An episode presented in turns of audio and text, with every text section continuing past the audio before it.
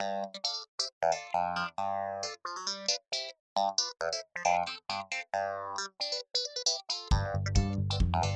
you.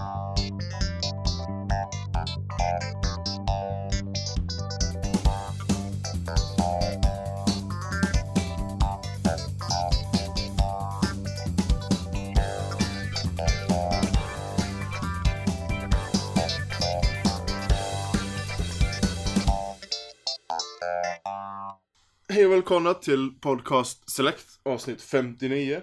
Idag hade vi tänkt snacka om, uh, ja vad blir det? Uh, Mario Odyssey. Uh, Assassin's Creed Origins.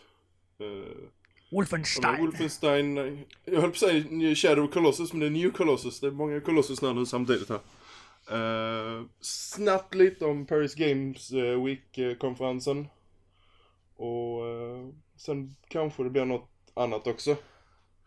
Men uh, ska vi ta Paris Games Week först? Det var ju lite, jag vet inte om ni har sett trailersen? Ja, jag gick igenom, Fick du se en... jag gick igenom allt efteråt, jag, jag missade det. Ja, ja men då, då har du ju sett jag det har i alla inte fall. sett någon, Eh. kan jag, inte. jag vet inte ens vilka, vad det var för spel. Ja, men, uh, får du sitta Mm, ner och jag lyssna, medan vi Jag berättar? Ehm, du, du har sett alla trailersen efterhand eller? Eh, ja, för allt vettigt typ. Alltså där nya Sucker. Punch, eh, God of War, eh, Last of Us, eh, Spiderman. Ja men det är så här, ja, Jag har inte missat något, jag har liksom gått igenom flödet. Nej. Eh, Det börjar ju med en timmes eh, pre-show innan när de visar upp sju nya spel och massa uppdatering till spel. Eh, Det flyter ihop lite här vad de visade var. Men mycket av det i pre-showen var ju mindre indiespel och VR-spel. Eh, Bland annat Guacamele får vi en tvåa på. Gucka, Guacka heter Ja, jag gillar det. Guacamele Jag då. gillar det första. Ja, det var fruktansvärt bra det första. Eh, Brawler. Och nu är det ju four player co-op eh, i det. Så jag ser faktiskt fram emot det. Eh, Guacamele var faktiskt riktigt kul. Där eh, Nacho Libre eh, tecknade beat em up-spelet, sidskrollande. Det ser faktiskt riktigt kul ut. Eh, vad mer jag fick? Eh, Spelunky 2. Jag var inte sådär jättehögt min radar precis. Det är många som håller det spelet högt Och- men jag har aldrig riktigt fastnat för det. Nej, det, det har ju sin, sin charm men Alltså det, även det och Steamworld, jag har aldrig riktigt så här. Aston World Dig gillar jag faktiskt ettan Ja, det var eh, skitkul, mycket. var. Kanske bara jag som har fel. jag har inte vet. spelat tvåan än. Ja, nej, alltså det, det är ju så många såna här myspys-spel i den genren. Och St- Steamworld Dig är ju något, det passar ju verkligen på switchen nu Mm. när det kom dit. Ja, Steve, jag, jag, jag, bara gillade. Steamworld Heist också. Vad var skillnaden på Dig och Heist? Heist är mer ett strategi, alltså så, med eh, fighter. Det är eh, turbaserade fighter. Okej, I, det låter i mer- den här världen. Ja, det är skitroligt är det.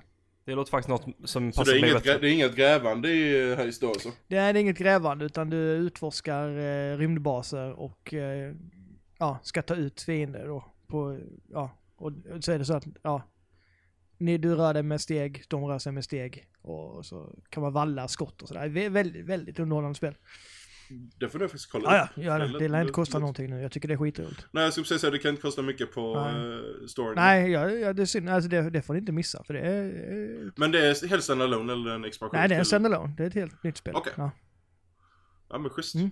Ehm, I VR var det egentligen inte någonting som verkligen uh, catch my Men eye. du som kollade på hela Eh. konferensen, för du visst såg du liksom sammanhängande allting? Ja, jag såg först pre-showen och sen hela Då konferensen. kommer frågan, hur mår PSVR? Uh, PSVR mår bättre och bättre nu för... eh, alltså, där finns ju redan runt 100 spel släppta. Eh, men den saknar ju alla de här eh, s- alltså stora titlar egentligen. Det största är ju VR-läget i Resident Evil 7. Och där är det ju fruktansvärt bra. Även om det inte är hela spelet. Nej. Men eh, den saknar ju... eh, alltså för, saknar den här eh, typ ett Men den har inget... Call of Duty, Uncharted. Alltså det har inget sån här jättenamn eh, attachat till sig. Men sen samtidigt, alltså VR är ju en helt unik egen upplevelse och det är ju ingenting du sitter och spelar i flera timmar. Så att eh, den behöver inte de här eh, Call of Duty och Doom och alla dem egentligen. Nu kommer ju Doom och Skyrim till VR också men Det är bara frågan, alltså jag, den behöver inte alltså jag det. tror att VR kommer först vara feasible, alltså alltså eller feasible, men det kommer först vara liksom det, får kost, det, får inte, det måste kosta typ hälften av konsolen ungefär och det måste finnas mycket spel. ja. Alltså för att, alltså när du, när du köper liksom ett headset som kostar lika mycket som konsolen. Det är alltså en peripheral, det är liksom, och det där det inte finns något som ens kommer i närheten av Uncharted Horizon och så vidare upplevelser. Det är andra upplevelser. Men jag tror, jag hoppas man Alltså, kör vidare på de- de PS5, andra att man, att man släpper så- på PS5, att man släpper ett headset som är trådlöst, du sätter en dockstation, du sätter på det, Ja det men det är ju fortfarande bra tag innan vi får bra trådlösa. Ja, men innan man dess, innan dess är det liksom en, alltså sladdhärvan är ju ett helvete alltså. Ja, ja. Det, Det som är... Jaha, jo. Men det som är kul är att alla, jag känner ett par stycken som har VR och de jag, jag har pratat med, alla är nöjda med den. Så Det är så ändå? Ja, ja, ja, absolut. Ja, alltså där finns ju jättemånga sådana här mindre upplevelser som faktiskt är bra. Ja, jag kanske har bara inte hört som är någon, någon och- som är missnöjd med den utan eh, de, nej. Och nu, det är nu Sony verkar pusha det ännu mer med eh, mycket mer spel som utveckling. Speciellt eh, Sony London Studio som gör väldigt mycket VR-spel nu. Och jo, de visade faktiskt upp eh, sitt, eh, jag tror det var under pre-showen, eh, sitt eh, nya interaktiva eh, spel som, eh, vad hette det som kom i, det var något som kom i somras. Ehm, det var precis som att spela upp en film och sen fick du lite olika val och så ändras storyn då, eller allting beroende på vilka val du gjorde. Eh, nu har jag helt glömt bort vad det namnet, vilket spel, eller namnet på spelet. Men eh, deras nya, Erika, också under den här samma grejen att du ser det från hennes perspektiv hela tiden. Och så får du då upplägga lite val här och där hur hon ska svara och, eller hantera situationer. Så det blir en interaktiv film. Och av de sådana jag har spelat tidigare så har de faktiskt varit bra. Så jag är jättehypad på Erika faktiskt. Och det är ju en, visst det kanske är någon som tar två timmar. Men det kan vara kul att sitta med, eh, alltså som du, sitta med eh, din tjej eller något sånt i soffan och så spela igenom det. Sen sitter man då, vilket val ska vi ta och så vidare. Lite, inte långt från Until, Until Dawn och sådana grejer. Eh, det var väl egentligen det största i pre-showen. Sen eh, brakade de ju loss med eh, Sucker Punch nya spel direkt. Det ser ju faktiskt jävligt spännande ut. Speciellt med tanke på att det är fucking Sucker Punch som gör det. Det blir så här. oj. Lite annorlunda. Ja, det, vi visste att de hade ett nytt spel men, men att eh, jag satt och... eh, Men är det, visst är det ett open world-spel? Det är ett open world action uh, I feodala Japan? Spel, ja. Du är en samurai. Jag trodde först det var ett nytt Onimusha. eh, när man såg början av uh, trailern. Jag var helt inne på det. Men uh, sen visade det sig att det var ju ehm, Ghost av uh, Sezuma. Den här staden.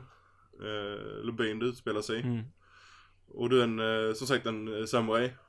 Och feodala Japan och samurai och eh, baserat på den här Mongo- Mongolans invasion av Japan. Det, det kan bli riktigt, riktigt coolt. Men, Då behöver vi helt enkelt, då behöver vi helt enkelt inte Assassin's Creed i feodala Japan längre. Jo, det behöver vi visst det. Men, ehm, där, där, där, där, där är jag väldigt bestämd Sjöland. Ja, men eh, vi, vi, vi kan gärna ta detta också. När, Men när det skulle detta det- komma? det Nej, det är precis. 2019 Alltså, säkert. Ja, alltså de har ju hållit på med detta eh, sen innan, eller precis när eh, Second Sun eh, var klart. Och Second Sun släpptes ju tillsammans med PS, PS4, så det är ju tre år. Så de har ju hållit på ett bra tag, så att Jag tror i slutet. Ja, 18 19, jag skulle, jag skulle tro att det blir en launch-titel till PS5. Ja. Precis som Det beror Second Sun i princip var, Ja. eller launch window. Men det Det är dröja väldigt kul för att eh, jag bläddrade igenom mitt Instagram-flöde nu när ni pratade här bara för skojs skull. Och då dök det upp en trailer på det spelet. Prepare for a new open world adventure. Ja, Alltså, alltså, ex- vi har inte sett någon, vi har inte sett någon gameplay på Nej det, men det är helt sjukt att de redan nu gör en, alltså så här. Explore feudal Ja- Japan as a cunning samurai in Ghost of blah. The new open world adventure from the studio behind Infamous. Eh, Ja, men det är ju... Att, men att de- det börjar nu, när det, alltså så, det är ändå konstigt, eller så. Ja men det är för att de visade upp det på Paris Games Week som faktiskt har varit hela denna veckan. Så, Sen det är väl inte så 2019 jättekonstigt. så är vi ju lessa på det redan. ja det Som beror på hur de när de pushar... Nej men det beror ju på hur de pushar. Det är ju många spel som man har fått utannonsering sen har de inte sagt så jättemycket innan spelet väl kommer sen. Alltså jag, Eh, jag, är inget, jag är inget. Bauta-fan av Bethesda, men hur hela, de, hela den här utannonseringen av eh, deras spel i höst har skett har ju fan varit fenomenal alltså. De var visat på E3, bara ah tja, Wolfenstein, eh, vad fan var det, Dishonored, nej vänta vilket var det? Jo, eh, Dishonored, eh, den här eh, expansionen, ställer Ja. Evil Within också Death va? of the Outsider. Ja, Evil Within. Och, s- Och och, det så då bara ah tja, bara, ah ni kan spela om tre, fyra månader, hejdå. Man bara ah vad nice. Ja men det var ju så eh, det för ett förra året också med Fallout. Vilket jävla, vilket jävla, fan vad de är bra nu Bethesda, så jag måste säga det. Jag har Det aldrig är, brytt de mig om dem. det är när de inte släpper såna här skitspel De som bara Fallout och slänger Skyrim. ut sig toppspel. Doom, eh, Wolfenstein, Fallout, uh, Evil Within. Alltså de bara kastar ut sig. Ja, vi ska inte gå in på detta, men jag är väldigt imponerad över deras titlar som de har Mm. i sitt eh, bagage. Så, fortsätt. Eh, vad, vad, vad, vad vi mer fick se? Vi fick se en ny trailer från eh, God of War. Och Ja, det, var, det var gameplay bara här, egentligen, eh, rakt, Ja, gameplay-trailer. Eh, och nu säger striderna, nu är det God of War. Nu är det, nu är det rå action, brutalt. Alltså, Det vi såg God innan var lite vara. mer klankigt och cinematiskt. Jag vet inte om de har förändrat det lite eller om de bara liksom visade mer alltså cinematiska scener helt enkelt. Det var väl nog menat att börja med det cinematiska. Ja. Jag tror att, eh, vi, denna var ju väldigt kort, var det 20 sekunder. Så jag tror vi får se hela den Nah, gameplay det var väl på typ PS6. en minut va? Nej, det var den inte. Ja, men då såg jag någon annan för de var inne i en isgrotta och höll på att banka på folk i Ja men den tog inte en minut, den isgatan. Mm, Okej, ja, ja. Nej. Okej, det, var, det, det, det var action i alla fall. Ja, det var, det var God of War action. Och så sätter han använder den här yxan, kastar runt den, använder den till, med superkraft och, ja det såg riktigt coolt ut. Det är så Det bra var ut. riktigt bra Men jag är gameplay. lite såhär, nu får de fan släppa, men eh, när kommer det? Det är väl våren nu va? Ti, ja, tidigt 2018 så jag skulle tro att, Sex månader? Nej, jag, ja, jag skulle, Ja, från nu blir det nog sex månader. Jag tror, Mars. ja men mars, Mars-ish. mars, ja, men typ sex månader. ja, ja, inom sex månader kan vi väl säga. Ja, ja, men det känns Så- bra för jag börjar bli lite så här. Hade det där varit typ nästa höst då hade jag börjat bli lite trött. För nu har vi ändå sett det två, tre gånger. På event och sånt där. Så nu, det blir, eh, det blir nice att det är på väg. Ja men de, det har de ju sagt länge nu att det skulle vara tidigt 2018 så att, Mm. Ja men det känns bara skönt att det är... Spiderman har jag inte tröttnat på ännu, men God of War känner jag bara att det är bra att det kommer snart. För att, Alltså jag, jag ser ingen mening med att lägga in mer segment från uh, Spiderman. Låt, låt det vara nu fram tills det börjar närma sig. ja. Nu kanske, nu kanske det är hyfsat nära också, eh, men ändå. Det känns lite som att Ja. vi fick se gameplay på E3, livet at that. ja. En fråga, har Lite de, så. eh, har de ett datum för det eller? 2018 tror jag. Då är det höstspel nästa, det är om ett år då typ. Troligtvis ja. Men då kommer God of War och troligtvis det och även, eh, vad heter det här, åh, Detroit nästa år. Det är väl vad vi kan Ja, tumma på ungefär. ja eh, där var faktiskt en väldigt intressant grej. Den här nya demot eh, från Detroit Become Human. Mm. Eh, från Karas perspektiv denna gången. Vi har ju inte sett det innan, utan det har ju varit de andra, eh, han polisen och han rebellen höll jag på att säga, men Ja, jag han som startade den här revolutionen. Eh, och nu fick vi se ur Karas perspektiv och det var ju väldigt eh, emotionell demo. Eh, just det, hon är ju en sån här, eh, hon är ju en babysitter. Alltså eller hemhjälp kan man väl säga. Nanny. Och eh, Nanny ja, precis. Heter det ju. Cara the Nanny. Eh, Cara the Nanny. Jag bara tänkte på den här new sea. Nej snälla dra inte upp den, uh, The Nanny uh, The Nanny. Nej, okej. Roger snälla. Fran Drescher. Ja, förlåt. Nej, Fred, eh, åh herregud jag får panik på henne. Eh, Marcus nej, har ingen aning vad vi eh, pra- vad vi pratar om. Alltså som ett Nej, jävla det ska vara- frågetecken nu bara nej. Nej det ska man vara jävligt glad för. Niles, Ehm. Niles, hur fan? Battle. ja, Mi- ja, Miles var ju bra i den, det var väl det enda. Niles. Niles. Niles då. Ja. Vänta, vänta, snackar vi Eh, Frasier? Nej, Ja, nej, nej, nej, nej, nej. nej. Skitsamma. Eh, du, g- googla på henne sen. Ja. Eh, The Nanny, Fran, the Fran Nanny. Drescher. Du, du kommer, Han googlar du kommer direkt. inte vilja... Han googlar direkt. Du kommer, du kommer döda honom sen. Eh, nej men det här, eh, och där hon eh, jobbar då, den här familjen. Uh, verkar, han ver- verkar vara en ensamstående far. Och han är väl inte, Precis som i The väl Nanny. inte vinna ett pris som uh, Har du den här skiten som man sett på TV någon gång? Ja, ja. Ja, precis, men, ja. Skona mig alltså. Så. Jag trycker bort det. ja, precis. Eh, nej men det, alltså hon, uh, när uh, dottern då är, är, blir utsatt för uh, eh, både verbalt och fysiskt våld av sin far. Och eh, Kara då, det vi fick se där, fick, fick man då valet för att eh, rädda honom under situationen. Och det kunde ju sluta på hur många olika sätt. Jag fick jäkligt mycket flashbacks till Heavy Rain där, alltså bara liksom lite tonalt hur allt kändes. Och jag tror att den här, Ja. alltså jag tror den här liksom historien kommer bli lite mer intim än vad Beyond var, vilket var mitt problem. Jag tyckte den var lite spretig, personligen. Ehm, så det här var typ det bästa jag har sett hittills, jag kände bara att okej, det här kommer det här kommer vara intensivt och emotionellt och det... Men det blev, det blev väl i subject mattern också? Att eh, de här androidsen, eh, deras vara eller icke vara som... Eh, eh, inte som människor men alltså hur man behandlar dem. Eh, man behandlar inte dem som människor utan eh, eh den här gränsen. Med utf- utanförskap och allt sånt. Mycket av det går ju översätta till hur världen ser ut idag. Med eh, människor som tycker att eh, vissa människor inte är lika mycket värda och hela ja, men det är ju mycket, det är ju Så alltså, det är ju mycket, alltså det är ju en sån här Det blir en social kommentar på ett, eh, på ett väldigt smart sätt. Ja, så är det alltid en intressant tanke liksom typ så här att man att artificiell intelligens liksom blir medveten Ja, det och så också. hela den här grejen om att du kopplar det på ett så här samhällsperspektiv och, och så vidare.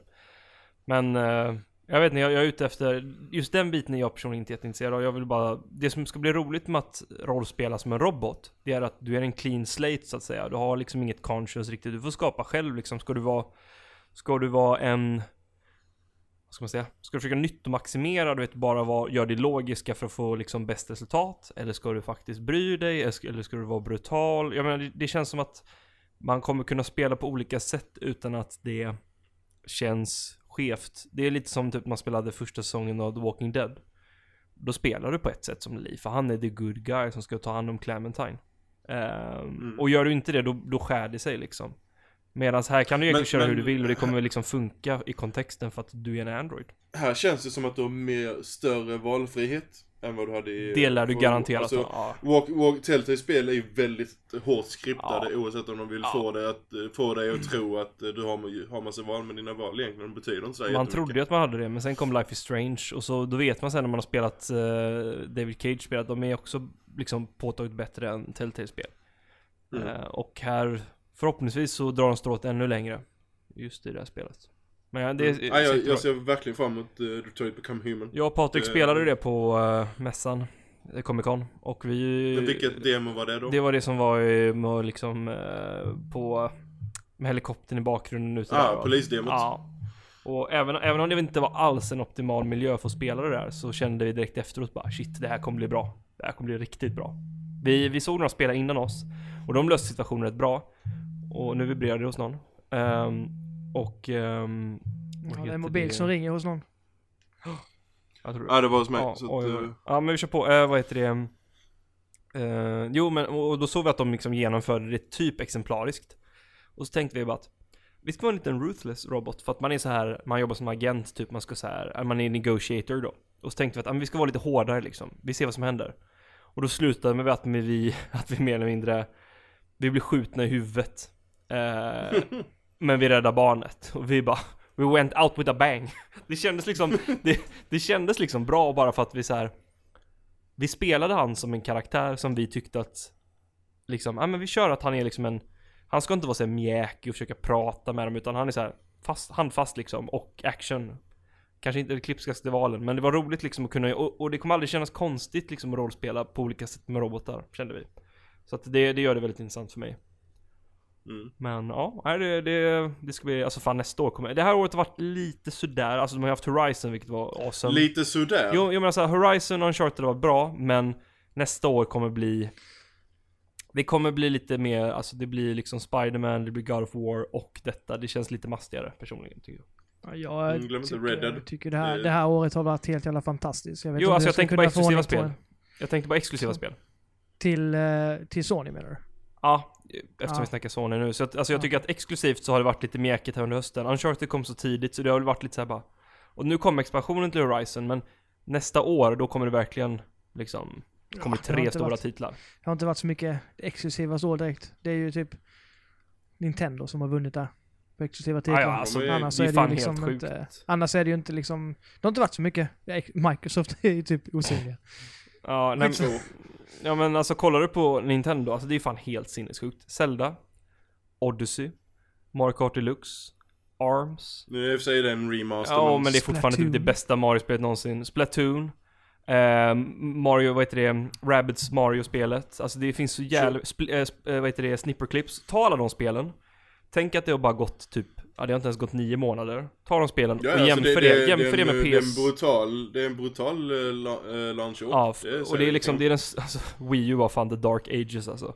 Och, och jäm, men jämför de där spelen jag sa nu, och tänk, vad spelade jag under mitt första år på PS4 och Xbox One? Som var exklusivt. Det var så här: Rise, Son of Rome. Liksom. Jag gillade det. Jag Jo, gillade jag det. vet men alltså det Jag ju- gav det det, var ju- jag, jag vet inte, jag recenserade det. Jag kommer inte ihåg vad jag gav det, men jag gav det. Men det går ju inte att jämföra det liksom med Zelda, eller Mario Odyssey, och typ Killzone, Shadowfall. Det är liksom, det, det här, det är ju typiska launchspel, Knack och så vidare. Medan det här är ju liksom... Det är, ja.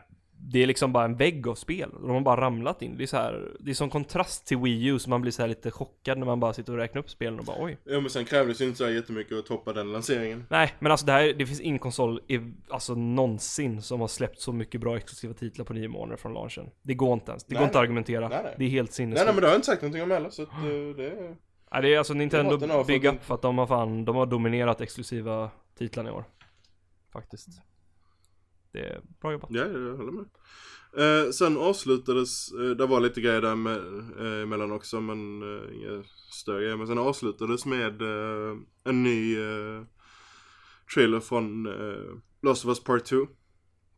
Som verkligen sätter upp eh, hur mycket mörkare detta spelet är jämfört med eh, eh första Last of Us. Första Last of Us var ju rätt mörkt. Det, det kan vi inte sticka under stolen med. Men detta är ju mycket mörkare. Och Men jag, jag känner ju dock, som jag känner, det verkar som att det var från Fireflies perspektiv och eh, precis. spekulationerna på internet har ju gått, först var det någon som fick för sig, jag vet inte, de måste ha rökt på någonting, eh, fick för sig att det var Ellie som blev upphängd i snören. Och hur, hur de kom fram till det, eh, det vet jag inte. De måste ha något fel på sina Ja, ögon. plastikoperation. Eh, ja, lite så. Men en annan teori som nu faktiskt kan stämma. Att det skulle vara Ellis mussa som blev upphängd. Eh, Eller bara en random personpunkt. Det kan vara, ja ja, det, det kan vara någon helt annan också. Alltså, men det, jag tror så här. den, pers- den personen som blev upphängd verkar ha en väldigt eh, stor betydande roll i spelet. Jag tror så här. Det är en person i Fireflies. Hon har en viktig roll. Punkt. Och de vill visa tonalt var spelet ham- hamnar någonstans. Och det kommer vara mörkt. Och det kommer vara våld. Och jag är så jävla trött på alla som snackar om att våldet, alltså så här, alltså polygoner Ja men det, all, allting de visade upp här är, alltså... det är Last of Us. Ja, men alltså det, det passar ju i det, det vi redan har sett för att första lösas, menar vi har ju den här eh, Ellie versus eh, David i eh, eh, de här kannibalerna. Ja. ja. Hela den biten var ju inte speciellt eh, Nej det, ant- det antyds ju saft på sexuella övergrepp och grejer där liksom så att alltså Ja. att, att tro att Last of Us har handlat om guld och gröna skogar och myspys då, då ska man spela en charter 1 typ Och vi hade ju många, alltså grejer när man fick se, alltså eh, både, jag vet inte om det är Firefly som gjort eller andra eh, banditer och annat som eh, överlevt den här världen, gått, alltså kroppar som varit upphängda, brända kroppar, alltså det har ju varit fortfarande väldigt många, alltså vi snackar ändå om eh, efter eh, ja, vi, ska väl kunna säga att det är en postapokalyptisk värld. Ja men det är det Eh, så eh, det är ju väldigt, det är ju väldigt mörkt by default bara där. Eh, Men- och, Alltså jag, jag förstår inte någon som säger, det var ju någon som försökte jämföra det med eh, eh, Hostels eh, våldsporr. ja, Och jag bara så tänkte, nej. Alltså ingenting i den trailern överhuvudtaget sticker utanför vad universumet byggde upp i ettan. Eller i, i part one.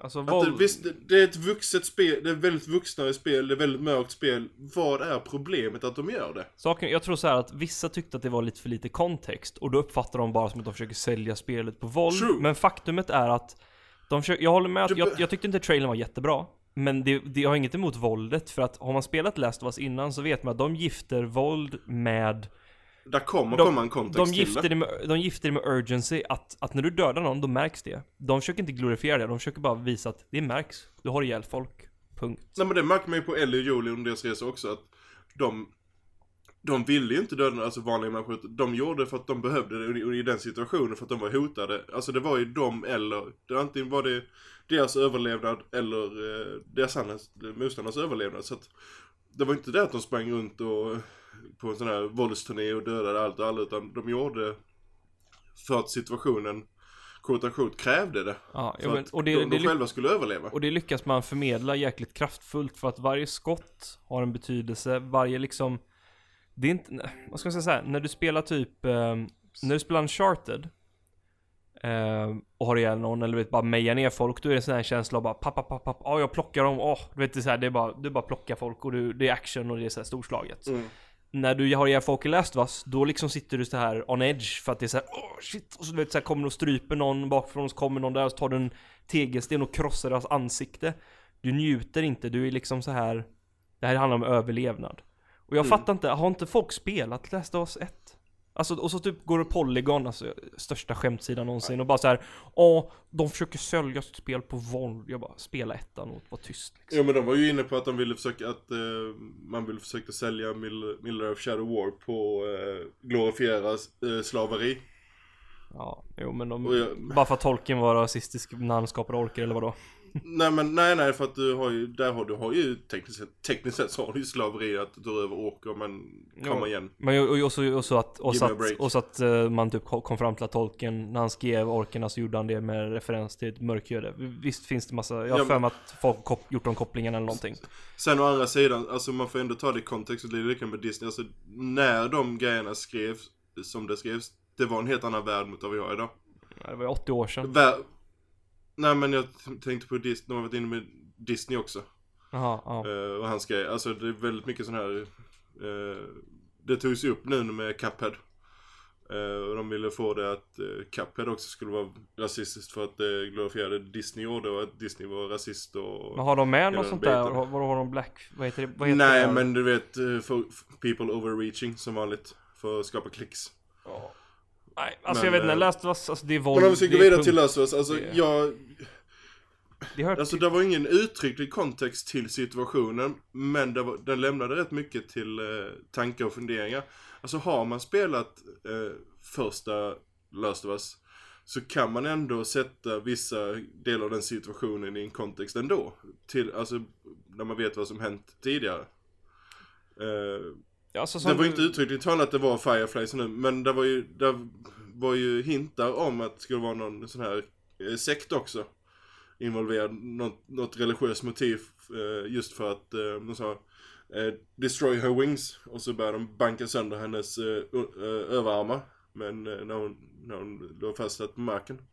Och det var något annat quote där Men vänta, att- där, Destroyer Wings, inte det en referens till Butterflies, Fireflies och så typ, eh, alltså deras vingar, händerna typ? Jo men jag tänkte på det hon sa innan. Eh, the Cho- eh, Inte Chosen One, hon sa någonting som lät lite, som hintade åt att det skulle vara något eh, religiöst in...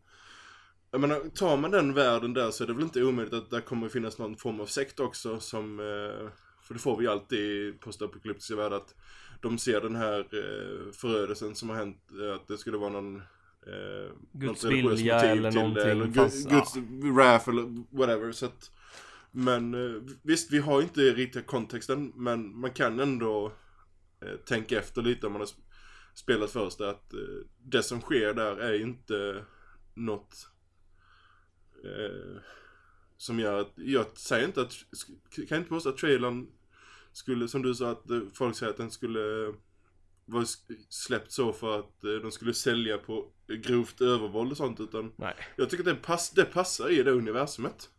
Alltså jag tror så här, folk vill, hade velat ha mer kontext för det har varit mer tillfredsställande men vi kommer i efterhand när vi har spelat spelet så kommer vi veta exakt vilka karaktärer det var och vi kommer fatta varför de visar upp dem på det sättet. Och jag är bara Mm. så trött på när folk ska liksom Sen är frågan om, den, om vi hade fått kontexten om det inte hade spoilat för mycket av, storyn.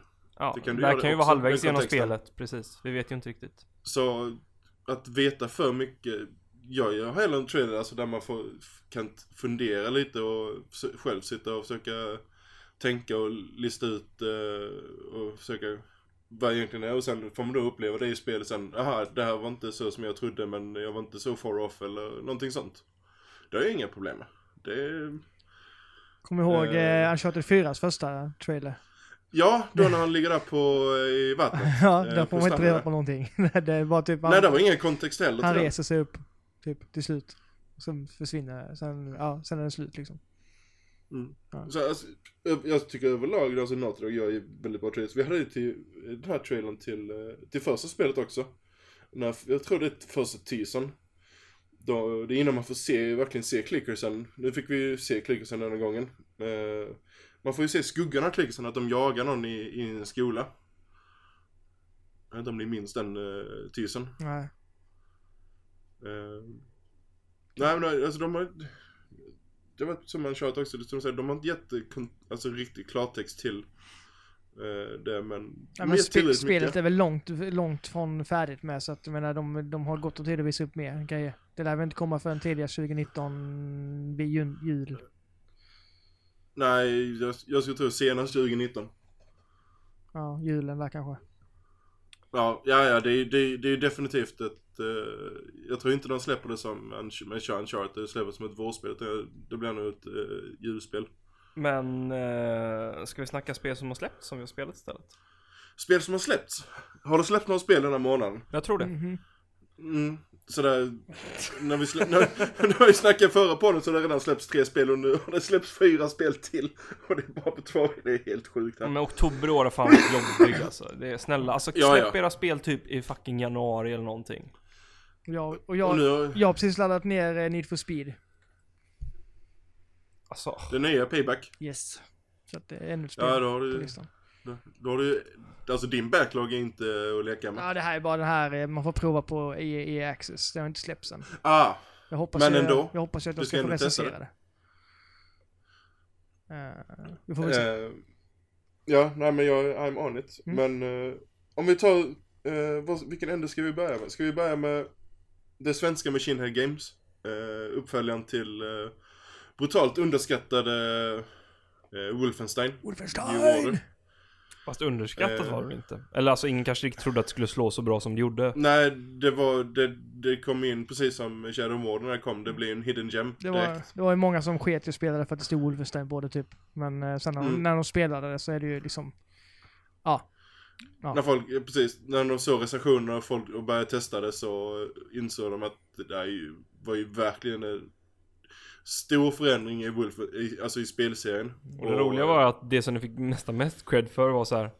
Men, det, är ju en bra story. ja. Ett. Wolfenstein-spel. är, det, är, det, är, det, är det någonting som både ettan och nu eh, tvåan verkligen pushar så är det ju karaktärsutveckling, Ja, eller verkligen. karaktärerna och storyn. Det, det, det är mer fokus på det än vad det är på gameplayet om man jämför med tidigare spel i serien. Absolut. Och- Det, det är det man, alltså, så är det ju. Ja, jag vill, man spelar vidare för att man vill veta mer om vad som händer med karaktärerna.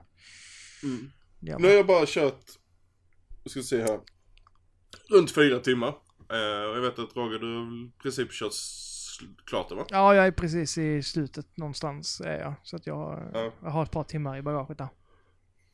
Eh, alltså min initiala eh, tanke om det, eller upplevelse, det är att av de banorna jag har spelat så har de varit otroligt tråkiga. Det har varit, alltså man får kämpa sig igenom dem. Nu vet jag att det är tidigt, men när man, sen har man alltså cutscenes hela tiden. Alltså banorna är inte långa, de kan ta 15-20 minuter att spela igenom en bana. Och sen blir det, eh, sen är det cutscene mellan karaktärerna. Alltså karaktärerna, varje karaktär är extremt välskriven och jätteintressanta karaktärer och eh, storyn är där. Men eh, det är en, jag ska inte spoila nu för folk som inte spelar, men det är en scen i, i början när man introduceras till eh, antagonisten i Åh. spelet. Ja, usch. Och den, den är alltså den är, visst den är brutal, men den är fruktansvärt bra. Ja, ja. Den, är, den Det- sätter ju verkligen antagonisten på kartan direkt. Eh, Ja. Och det är inte den enda scenen där, där hon är sån, utan det här är liksom... åh. ja, är en av de, eh, en av de eh, man säger, man säger värsta på ett bra sätt.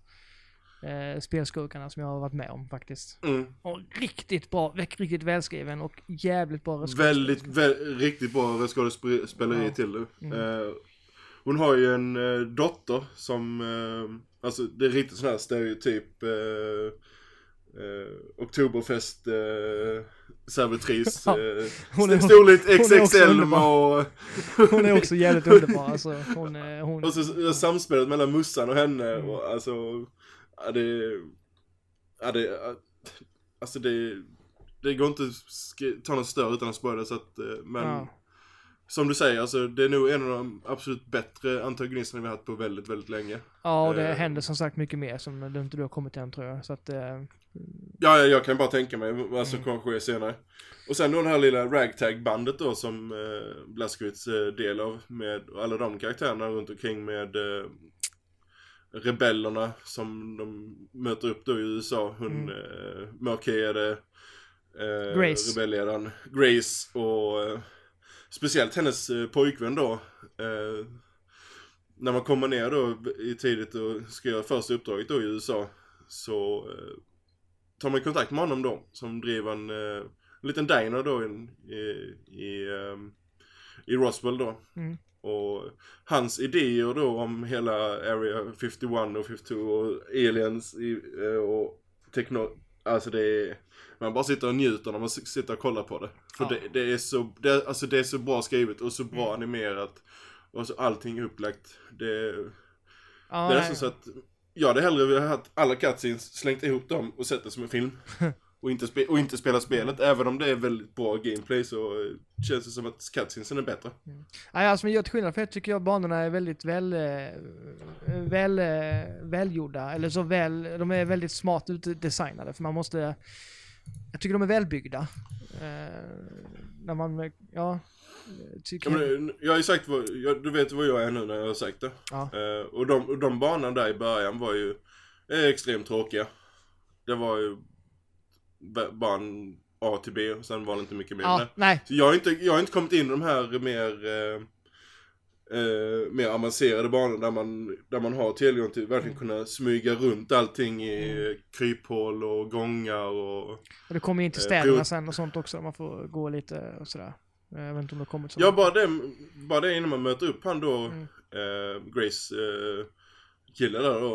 Eh, så kan man gå runt där lite i staden och kolla. Och Mm. det alltså det. De tar, jag fattar inte att det inte blivit mer eh, ramaskri över det. För på vägen dit där så ser du en, en eh, tysk nazistofficer. Ja, Står och börjar diskutera med två stycken KK Klux soldater. det, det, varför har det inte blivit mer ramaskri det här att de är med där? Ja, du vet ju hur internet fungerar. Mm. Och, men just alltså det här utspelar sig 1961. Alltså allting känns så, ja. det, det hör hemma där på något sätt. Och det är alltså, ju, alltså premissen är då att Tyskland har ju då tagit över USA. Alltså, de, de så- vann andra världskriget. Ja, och eh, ja. Nu måste amerikanerna anpassa sig till tyskarna då. Och, alltså ja, det, det är så jävla intressant. Det är så intressant story tycker jag, verkligen. För Att Mm. de, de, de, de får Just här what atmosfären. if. Ja, de får atmosfären att passa in så perfekt liksom. Eh, Man, man, man ser verkligen, det kommer in en tysk officer på fiket och alla bara liksom så här. Ja, nu, nu, nu skärper vi oss. Eller vet så här, de är väldigt alltså, Mm. auktoritära och ja. Ja, ja det, det Ja, jag, jag kan inte beskriva men jag tycker... Jag, jag, Ja, jag, jag har inga problem med att det är nazisterna som där eller alltså, allting passar ju in i miljön och det universumet de bygger upp där. Mm. Så att eh, ja. Jag, är mer, jag har mer problem om man hade eh, försökt eh, eh, himla och censurera och gömma undan allting så att, Ja. man, Nej, det så det. att man skulle- har saker hänt, fine då har det hänt. Mm. Att det inte, att det sen är dåliga saker, då får det vara dåliga saker, men vi ska inte glömma vår historia. Nej. Nej men de, de går ju rakt ut och säger det, vi ska slakta nazisterna. Alltså det är ju verkligen så. Mm. Det, det är det, vi ska, vi ska radera, Ja, de har haft världens bästa- nazisterna. Världens bästa marknads-trailers och allt sånt innan spelet släpptes. De har haft otroligt bra marknadsföringskampanj. Ja, Det... det har de. Och sen just den här... Eh, I och med att det är på 60-talet så... Eh, så det är väldigt många sådana här tankar och idéer som kommentarer man hör eh, från... Eh, sen tyskarna är ju... De har ju vunnit så att de är ju lite sådär eh, extra kaxiga. Eh, Mm. De här eh, eh, soldat, eh, kommen, eller kaptenen och Ja, alla ja. som går runt där. Och sen just det man får se hur människorna försöker anpassa sig då till den nya verkligheten. Eh, att de inte har sin frihet längre eller eh, och allt sånt. Ja, det är en väldigt intressant story tycker jag. Och, eh, alltså, alltså gameplayet funkar. Jag tycker inte det, det, är inte det är inte höjdpunkten. Men jag, jag kör ju på det lättaste för att jag tycker det, det är ett jävligt svårt spel. Och det går inte att spela det som en, som en vanlig cover shooter. Utan här gäller det hela tiden att röra sig, plocka upp ammo. Det måste man göra manuellt ju. Och liksom så Ja, här, det, det, det förstår jag verkligen inte. Att man, varje gång man ska plocka upp ammo eller armor eller hälsa. Och det finns ju överallt. Du kan inte gå, en, du kan inte gå ett fotsteg utan det finns något du kan plocka upp. ja, Men varför måste man ju plocka upp det out själv? Det kan ju plockas upp automatiskt. Ja. Det blir mer att man sitter och spammar på att plocka upp knappen varje gång. Det, Ja. det blir lite, det är liksom, det tar bort lite av, eh, Det blir lite väl drygt Ja. i längden. ja, det tar, upp lite, tar Och bort lite trycker på den tempo. knappen. För jag är ju sån liksom, ja, blir jag upptäckt då är det bara guns out. Jag plockar fram två stycken kulsprutor och bara mejar för att, ja men ja, min karaktär är så. Han, Blaskovic är så för mig liksom. Han, eh, han ska inte bli dödad Ja, ja. eller så, utan han ska bara, ja nu röjer vi ner de här så kör vi vidare. och det är så jävla tillfredsställande. Men just det här att man skjuter och sen så, ja nu trycker jag på, på X eller fyrkant är det ju då. Alltså grejen är att man, när man samtidigt som man går runt där och skjuter, ska först fokusera då på att skjuta alla tyskar. Och så ska man masha fyrkant hela tiden för att plocka upp eh, ammon konstant. Mm. Det, det blir lite irriterande att börja plocka, alltså det kunde de faktiskt gjort bättre. Jag tycker de kunde haft en inställning, bara plock, eh, automatisk upplockning Ja. eller så man kunde valt själv. Där. För jag förstår vad de menar med det, det ska vara liksom en extra grej man ska göra för att det ska, ja.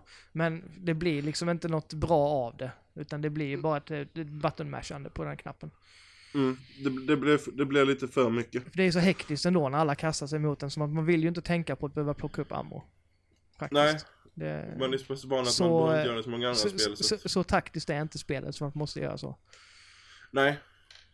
Eh, det däremot som är takt, alltså som jag gillar, det är att ehm, när du kommer få upp de här, här radarblips då, att uh, där finns en eh, kapten i närheten. Och de vill ju, vill, är ju ditt fokus att döda kaptenerna först. Ja, för de har ju För- larm och sånt grej, så de är ju, då tar man ut dem. Så har man större De kommer att- alltid vara din prio, eh, ta ut dem först. För eh, skulle, skulle det bli upptäckt och helvete brakar loss och kaptenen är där, då blir det ännu jävligare. Ja, det blir det. Så bort med dem först. Ja, det funkar ju bra Sen- smygandet fortfarande. Stälten är ju Ja, bra ja. fortfarande och sådär. Så det är bara det, blir man upptäckt så det gör inte mig så mycket. För att jag tycker det är, det är roligt att bara springa runt och skjuta ner allihopa. True, true. Ja. Och, sen då har du din eh, bas på en enorm ubåt. Ja, den är cool. Ja, den, är- den är jättestor. Och de- har ju verkligen inrett en ubåt, alltså Ja. gjort till sin, sin, sin eh, hemmabas. Ja, det hänger tvättlinor Och- med kläder i den och så här. eh, Väldigt, ja men den är, det, det är kul att gå runt i den, kolla. Ja. Där, däremot har jag ett problem där. Eh, nu vet jag att hela spelet är så igenom att det är ingen sån här uh, waypoint-markör i ansiktet du ska dit. Men när man är på, eh, på båten innan man har lärt sig hur man ska gå till vilka delar och vad man ska göra i vissa, vissa delar så kan man gå- vidare. Jag, första gången eh, efter de har kommit tillbaka med eh, Grace och de rebellerna och eh, skulle ner till en viss sektion för att hämta en grej. Jag tror du vet vilka jag menar. Mm. Så jag tror jag sprang runt där i kvart, 20 minuter innan jag hittade dit jag skulle. Ja, jag har inte haft vi- något problem så men För eh, att jag, jag, jag nej, förstår det, menar. jag, jag, jag tog upp kartan. Och det var inte ens markerat på kartan vad jag, vad jag skulle. Nej. Alltså förstår som vad vissa mission objektiv. Jag hade kanske bara tur att jag Eh, hittade rätt. Det, det står ju skyltar överallt i ubåten. Jo men det är, det är inte skyltat till det området. Nej, kanske inte. Eh, så det, det var lite irriterande. Jag hade nog bara Men... eh, ja, det är mycket möjligt. Mm. Eh, men... ehm, nej, alltså. Jag är fortfarande väldigt tidigt inne, men så, som det har varit än så länge så är ju eh, alla cutscenes och sånt och karaktärerna mycket mer intressanta än gameplayet, även om det är bra gameplay. Mm. Ja, Jag tycker det här eh, är än så länge bättre än första spelet. Jag tycker det är en skitbra uppföljare på ett en, eh, redan bra spel. Jag tycker det. Mm. Karaktärerna är ännu mer bättre välskrivna och karaktärerna och det sätter en väldigt bra... Alltså, det... Jag, jag försöker förklara detta för de som bara, ja, att, att karaktären är så jävla välskrivna och sånt, men när de hör Wolfenstein så tänker ingen på det. Nej så- men det är för att det, det, det är inte förrän uh, Machine Games eh, gjorde de här spelen nu som Mm. det har varit fokus på det. Så Mm. att, jag Ja men det är liksom intressant för att börja liksom man får se, alltså jag ska inte spoila men just det här med Blaskovic uppväxt och sådär. Väldigt, eh, väldigt ändå eh, känslosamt. Eh, det dyker upp liksom spelet igenom just med hans uppväxt och sådär. Eh, det tycker jag, tyckte jag om. Var- Ja, det- jag, jag gillar det också. Eh, man fick mer kontext till honom. Ja, ja precis. Ja, nej, jag, jag än så länge rekommenderar det. Jag ska skriva en recension också nu i helgen på det, så kan jag läsa den sen. Ja. Och du, har, Men vi kan ska vi gå ju- vidare. Så vi kommer, Marcus har inte sagt ett ljud. Nej, Nej, jag, han har, jag har rantat iväg. Han har rant, rant, rantat back. runt i ringen. Nej, det är ett tag kvar, ett tag kvar. Men jag ska beställa, jag ska beställa Ja julgrav. men... eh, Snart. då- Spela, ja, ja, herregud. Smålandsgrav.se. Jo, Vi jo, kan, jo. väl, vi kan väl snacka lite eh, ass creed då. Kan, inte- kan inte Smålandsgran eh, hookas upp med julgranar och sponsra Podcast Select? Jag vill inte ha en julgran. Nu blir det tyst. Nej, jag hörde Roger bara försvann där från mig. Jaha, nej, jag vill inte ha en julgran. Men då kan jag ta två. Du kan ta min också. Jag kör en trippel. Nice. Jag har en i varje rum eller något. Ja, en, en, en, eh, Men du måste ha en Ja. balkongen med. en på balkongen, en på innergården och en i, i köket. Marcus, Yes! Själland, jag har hört att eh, ass creed ska vara ganska bra. Assassin's Creed som det heter Roger. Kan du övertala mig att jag ska testa det? Ja, alltså, ass creed säger jag. Ja, du ja, men du är inte normal. Men Askew låter lite roligt. Ja, det gör det. Jag tänker bara på South Park, de kan inte bjuda Jag spel som heter precis Ass- säga det. South Park! The Ass of Creeds. Eh, nej, alltså vad ska man säga? Uh, efter tagit ett års uppehåll. Uh, Assassin's Creed tillbaka med skapat av samma team som gjorde Black Flag. Uh, Ashraf Ismail och hela det, det teamet. Och det verkligen uh, lyser igenom. De har gjort, revampat hela spelet. Det är nu ett mycket mer eh, RPG-element i det med skillpoints, skill points, eh, loot-system för vapen. Så att du hittar nya vapen hela tiden och vapen har olika grader med från common till rare till legendary med mer och mer perks och stats och hela sånt så att eh, det går inte att prata om det utan att dra paralleller till Witcher 3 Det är helt, det är, det är omöjligt så Ska man vara väldigt snäv så säg Witcher 3 och byta ut Geralt och sätta in eh, en, en lönnmördare där istället. Så har du basic-konceptet. Eh, ehm, och uh, minimappen är borta. Uh, utbyggd mot sån här radar som vi har sett i Skyrim och Fallout. Eh, jag trodde först att det skulle ställa till lite problem. Och hitta allting.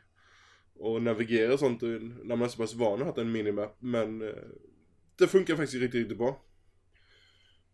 Och eh, det är någonting som folk var oroliga innan. När de visade upp spelet så var det ju väldigt mycket actionbetoning på eh, gå runt och slå ner allting och sånt. Men du kan verkligen stealtha i princip genom hela spelet. Om du vill. Eh, något som Roger måste bli positivt glad över.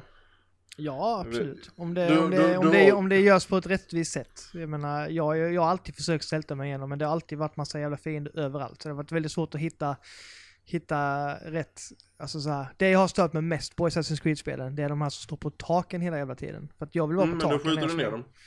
Jo, men det, det är som, det har inte, det har liksom inte funkat så när man kör, eh, om vi tar ett exempel. Det här jävla Black Flag, det är ett bra spel, men Mm. direkt när jag kommer till ett, eh, till ett uppdrag när jag ska skugga någon.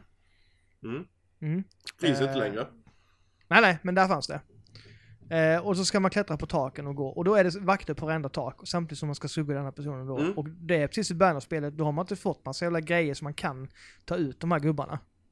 Vilket Jo. gör att man blir upptäckt. Nej, inte, inte i början på det spelet. Jo, du har tillgång fick- till uh, ta ut dem på avstånd. Ja, nej, det hade inte jag i alla fall. Eh, Det första vapnet du får i spelet är en pistol. Jo, men jag kan inte skjuta dem på taket så. Då blir jag upptäckt ju. Nej, nej. Jag kan väl inte fan inte skjuta med en picka. Då, då, då, måste ju alla se mig. Nej.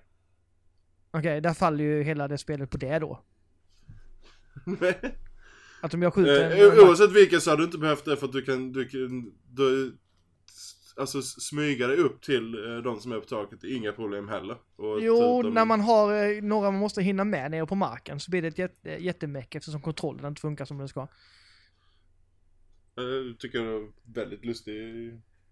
Det Nu, är så jag... nu har du Jag, fel. jag, för- jag, för- jag, jag, förstår jag- Inte, jag förstår inte kritiken för att det har aldrig varit några problem eh, för den delen för mig. Men det är kanske för att jag är så pass van vid spelserien, hur den fungerar. Så. Ja, alltså jag har spelat alla spel utom typ Brotherhood och jag har alltid haft samma jävla problem med att, eh, att få kontrollen att fungera. Det är 38 000 knappar att hålla reda på och man hoppar alltid fel. Så jag, jag har aldrig fått ordning på det liksom. Det, Det kan inte vara så att det ligger hos dig.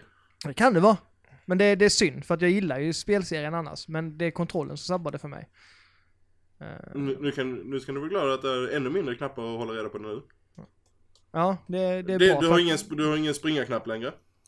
Nej, okej. Va? Springer man hela tiden då eller vadå? Nej, nej, det, du eh, pressar ju upp på eh, analoga.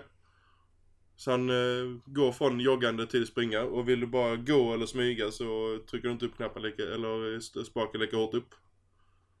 Ja, Jag hade inte problem med, Det- med det. Just det var mer bara det här att man skulle upp någonstans skulle man hålla in den knappen. Skulle man ner någonstans skulle man hålla in den knappen. Eh, Ja, nu har du en knapp för, för att gå upp och en, precis som, alltså du har ju X för att eh, om du, han ska klättra uppåt och sen då, s- vad blir det, cirkel för om man ska klättra neråt. Däremot kan du klättra i princip 90% överallt.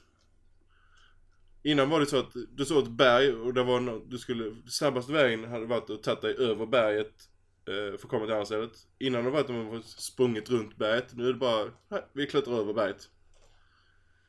Eh, så det är ju en extrem frihet. Eh, om vi ska ta stridssystemet till att börja med, som är den, eh, nog den största ändringen. Så eh, det är inga counters eller sånt längre, alltså trycka på knapp och mörda alla, allt runt omkring det. Utan det är väldigt eh, Witcher-ish eh, i striden att du måste parera, eh, ducka undan eh, deras attacker. Så hitta öppningar för eh, hugga dem. Har de sköld så måste du stanna dem eller ta bort det. Gör så att de tar bort... Eh, eh, vad heter det? Eh, avväpna deras sköld. Ja. Alltså Mm. bara så att du, du kan få in eh, attack eller att du eh, dodgar i sidled så att du kommer åt deras rygg och börjar attackera ryggen när de inte är skyddade och eh, hela en bit. Det blev väldigt mycket mer dynamiska strider att, eh, och likadant att som det varit innan, eh, på gott och ont, så har du mött tre, fyra stycken så har ju de stått och väntat på eh, hans kompisar stått och väntat på honom, han ska dö innan de går in och attackerar utan nu attackerar alla samtidigt. Och har du då tre, fyra stycken som attackerar dig samtidigt så måste du se upp med var alla attacker kommer ifrån. Och där kan vara tre, fyra stycken du måste dodga samtidigt. Men en Så- fråga Sjallan. Ehm, hur, hur ofta springer man på väggen att ah, du kan inte genomföra det här missionet för eh, du måste grinda och skaffa bättre gear för annars kan inte du assassinata den där snubben. Jag har inte, sp- jag har inte sprungit på det överhuvudtaget. Men det är väl för att du grindar också. Du gillar ju Nej. liksom att göra allt. Alltså i spel. Alltså i Assassin's Creed, du, du tar ju allt. Jag undrar liksom, har du spelat på Tänk dig? Witcher. Alltså du, Jo, men du alltså, gör, det, du det gör, finns ju så här, det Jo, finns ju vapen, alltså så här bara, ah men vänta du kan inte assassinata han eller typ du kan inte genomföra det här för att du har, ditt vapen är liksom för dålig rank eller du är för låglevlad. Det, det finns ju sådana liksom, Alltså var, varje barriärer. mission har ju sin eh, eh, rekommenderade level. Och eh, så som levelsystemet funkar här, är du under, säg uppdraget är level 30. Och är, då kan du vara två levlar under och inte ha några problem. Går, du- går du på tre levlar då börjar det verkligen kicka in uh, diminishing returns på uh, din gear. Eh, Och då undrar jag, är det, är det, finns det någon risk för om man vill springa på i spelet och inte göra massa sidouppdrag och grinda? Att man bara oj, nu blir det en vägg, nu får jag grinda i tre timmar. Alltså, det, det, det blir ju ingen... Alltså, det beror ju på om du anser att ett sidouppdrag är en grind. Det tycker inte jag. Det beror på Eh. vilken kvalitet som sidouppdrag är. De Helt är eh, upp, alltså Witcher-klass och bättre stundtals. Alltså det är full, alltså det är inga fetch Det är full Alltså- story-drivna quest, alltså du, det kan vara allt från ehm, eh, hjäl, hjälpa bönder som blir eh, attackerade av eh, någon, eh, eh, av de här invaderade styrkorna som eh, tycker att han eh, eh ska ha allting där. Så han satt upp en liten borg så får du inta borgen. Eh, ta ut den kommandanten. Sen när du väl är där inne och tar ut honom så får du helt plötsligt reda på att det är inte han som bestämmer utan då får du en ledtråd till vem det verkligen är som är bes- bestämmer så får du ta reda på då vem det är och sen gå vidare så att säga. Det är väldigt För det är alltid, det är alltid något jag haft problem med, med Assassin's Creed-spelen, att alltså uppdragsstrukturen har liksom varit rinse and repeat. Och det som jag hör från det spelet som gör mig mest pepp på det, det är just att uppdragen har en helt annan, alltså ribban har höjts rejält. Ja, det Eh, har för, för innan, innan var det så här, innan var det så här Det har varit väldigt Go! få, för det första Det var så här- väldigt få sidouppdrag innan också. Ja, och så var det så här, alltså var de klassiska bara, ja ah, men följ efter den här personen på de här 12 hustaken, lyssna på personen, gå därifrån. Alla, Nu går att döda all, alla de här, Så där var det eh, alltid. de uppdragen är helt borta. Och det är Ja, också för det de där att- var skittråkiga tyckte jag. Alltså det var så här, jag bara, men alltså det är som taila någon i GTA fast du gör det på tak och har gjort det här 50-11 gånger Mm, under ja, sju de, år de, typ. De är borta. Eh, det, jag är väldigt säga, bra. Det jag kan säga här det är att eh, precis som eh, Witch och andra Open World rollspel det är att som det var tidigare i Assassin's Creed så hade ju du kunde inte lämna det här uppdrag, området för det här uppdraget. Då fick du sån här Warning you're leaving mission area, bla bla bla. Utan har du påbörjat ett uppdrag här och så kan du bara springa iväg i ett helt annan riktning och göra något annat och sen komma tillbaka. Du är aldrig låst till det uppdraget. För, Så det ja, funkar där- dynamiskt. det är tre, fyra uppdrag som du är låst till av förklarliga anledningar som vi inte går in på. Men Nej, men du ska skapa, Ö, ö- man ska skapa en linjär sättning liksom. mellan ja, det finns en eller något. anledning till, men det, det, det är tre, fyra gånger. Vi säger att det Eh, typ är Colosseum eller man ska strida Ja, alltså eller du, du, kan, du kan fylla på din questlog med, eh, jag tror en gång hade jag nästan 20 side mission som bara låg där. Eh, för jag tänkte plocka upp dem så jag har dem och välja sen senare vad jag vill göra för någonting. Och eh, de bara låg där, några var halvfärdiga, eh, några har jag inte ens påbörjat. Och sen kan, kan man ju springa på random events också med hjälpa civila som blir attackerade av djur och... För det är en väldigt dynamisk värld.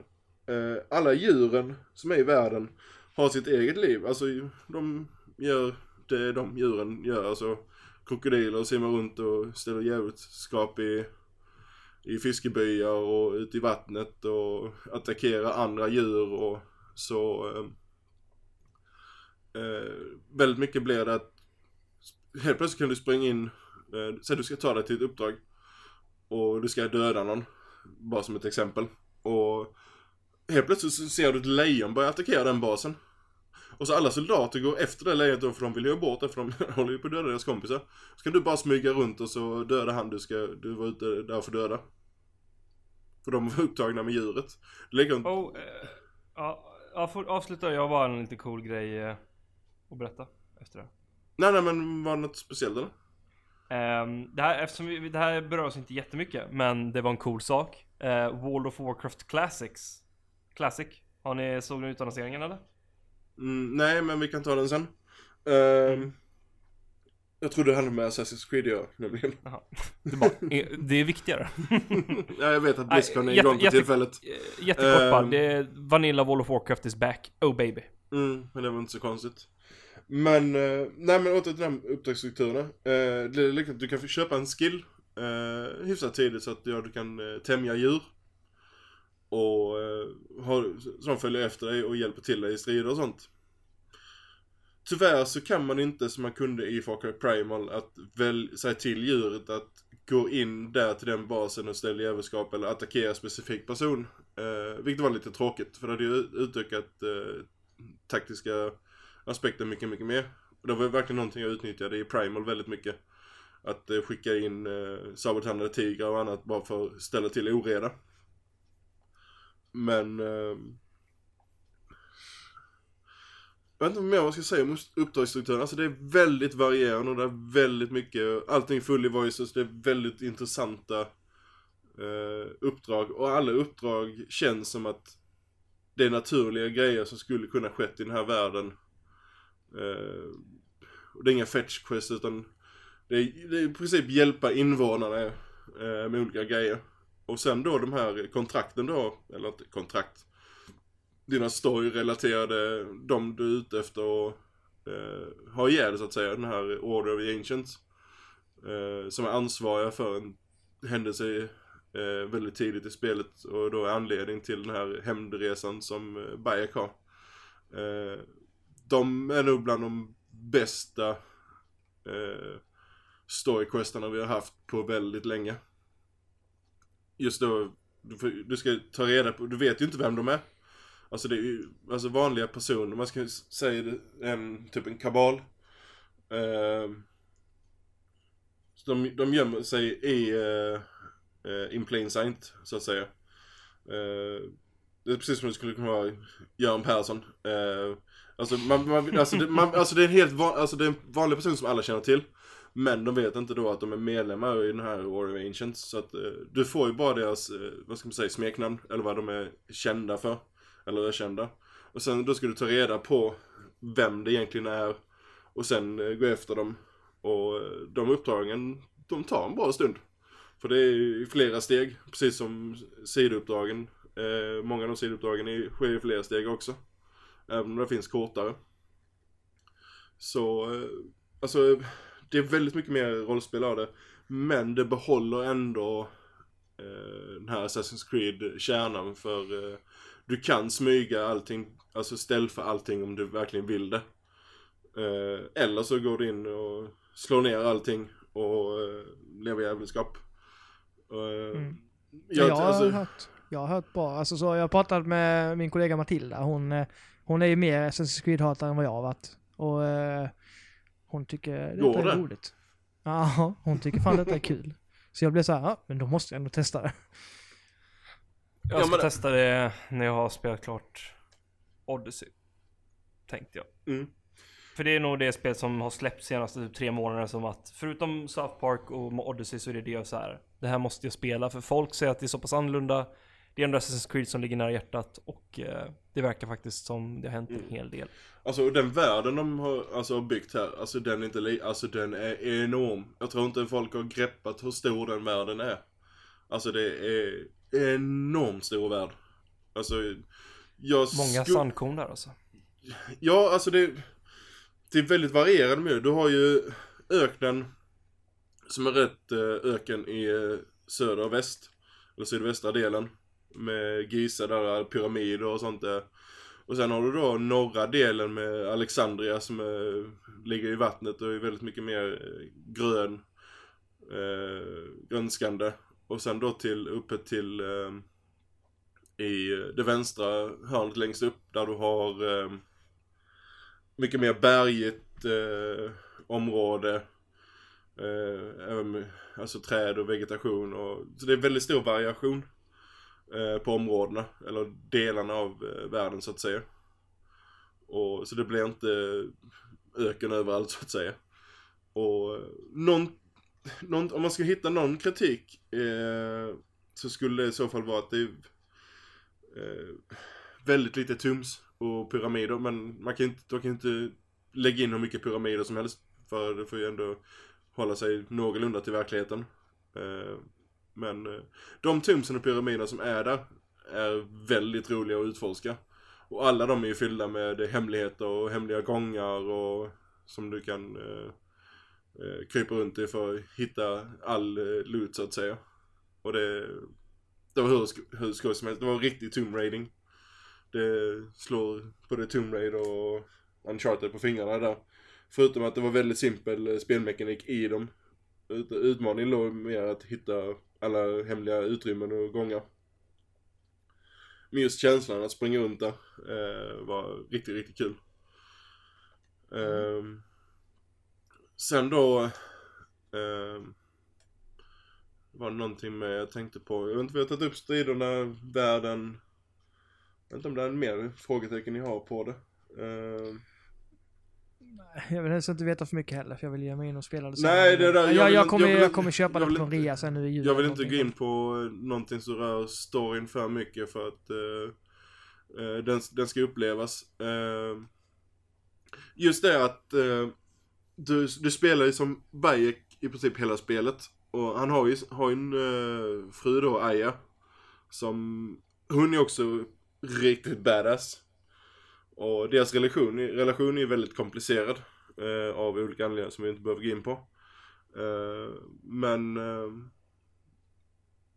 nej, alltså de, de, har, de har en riktigt, riktigt bra värld som är in, intressant. Fylld med grejer överallt. Ett stridssystem som är mycket mer förfinat och mycket, alltså... Det, det sätter utmaning på dig istället för att, eh, som det varit, eh, eh, säger, Black Flag var väl egentligen det sista som hade det här eh, trycka en knapp och avrätta alla runt omkring dig i strid eh, systemet. Så det, ställ, det ställer eh, utmaning på dig eh, som spelare. Utan att vara extremt svårt. Så eh, det blir, man kan lite dra paralleller till, till Horizon Zero Dawns eh, strider.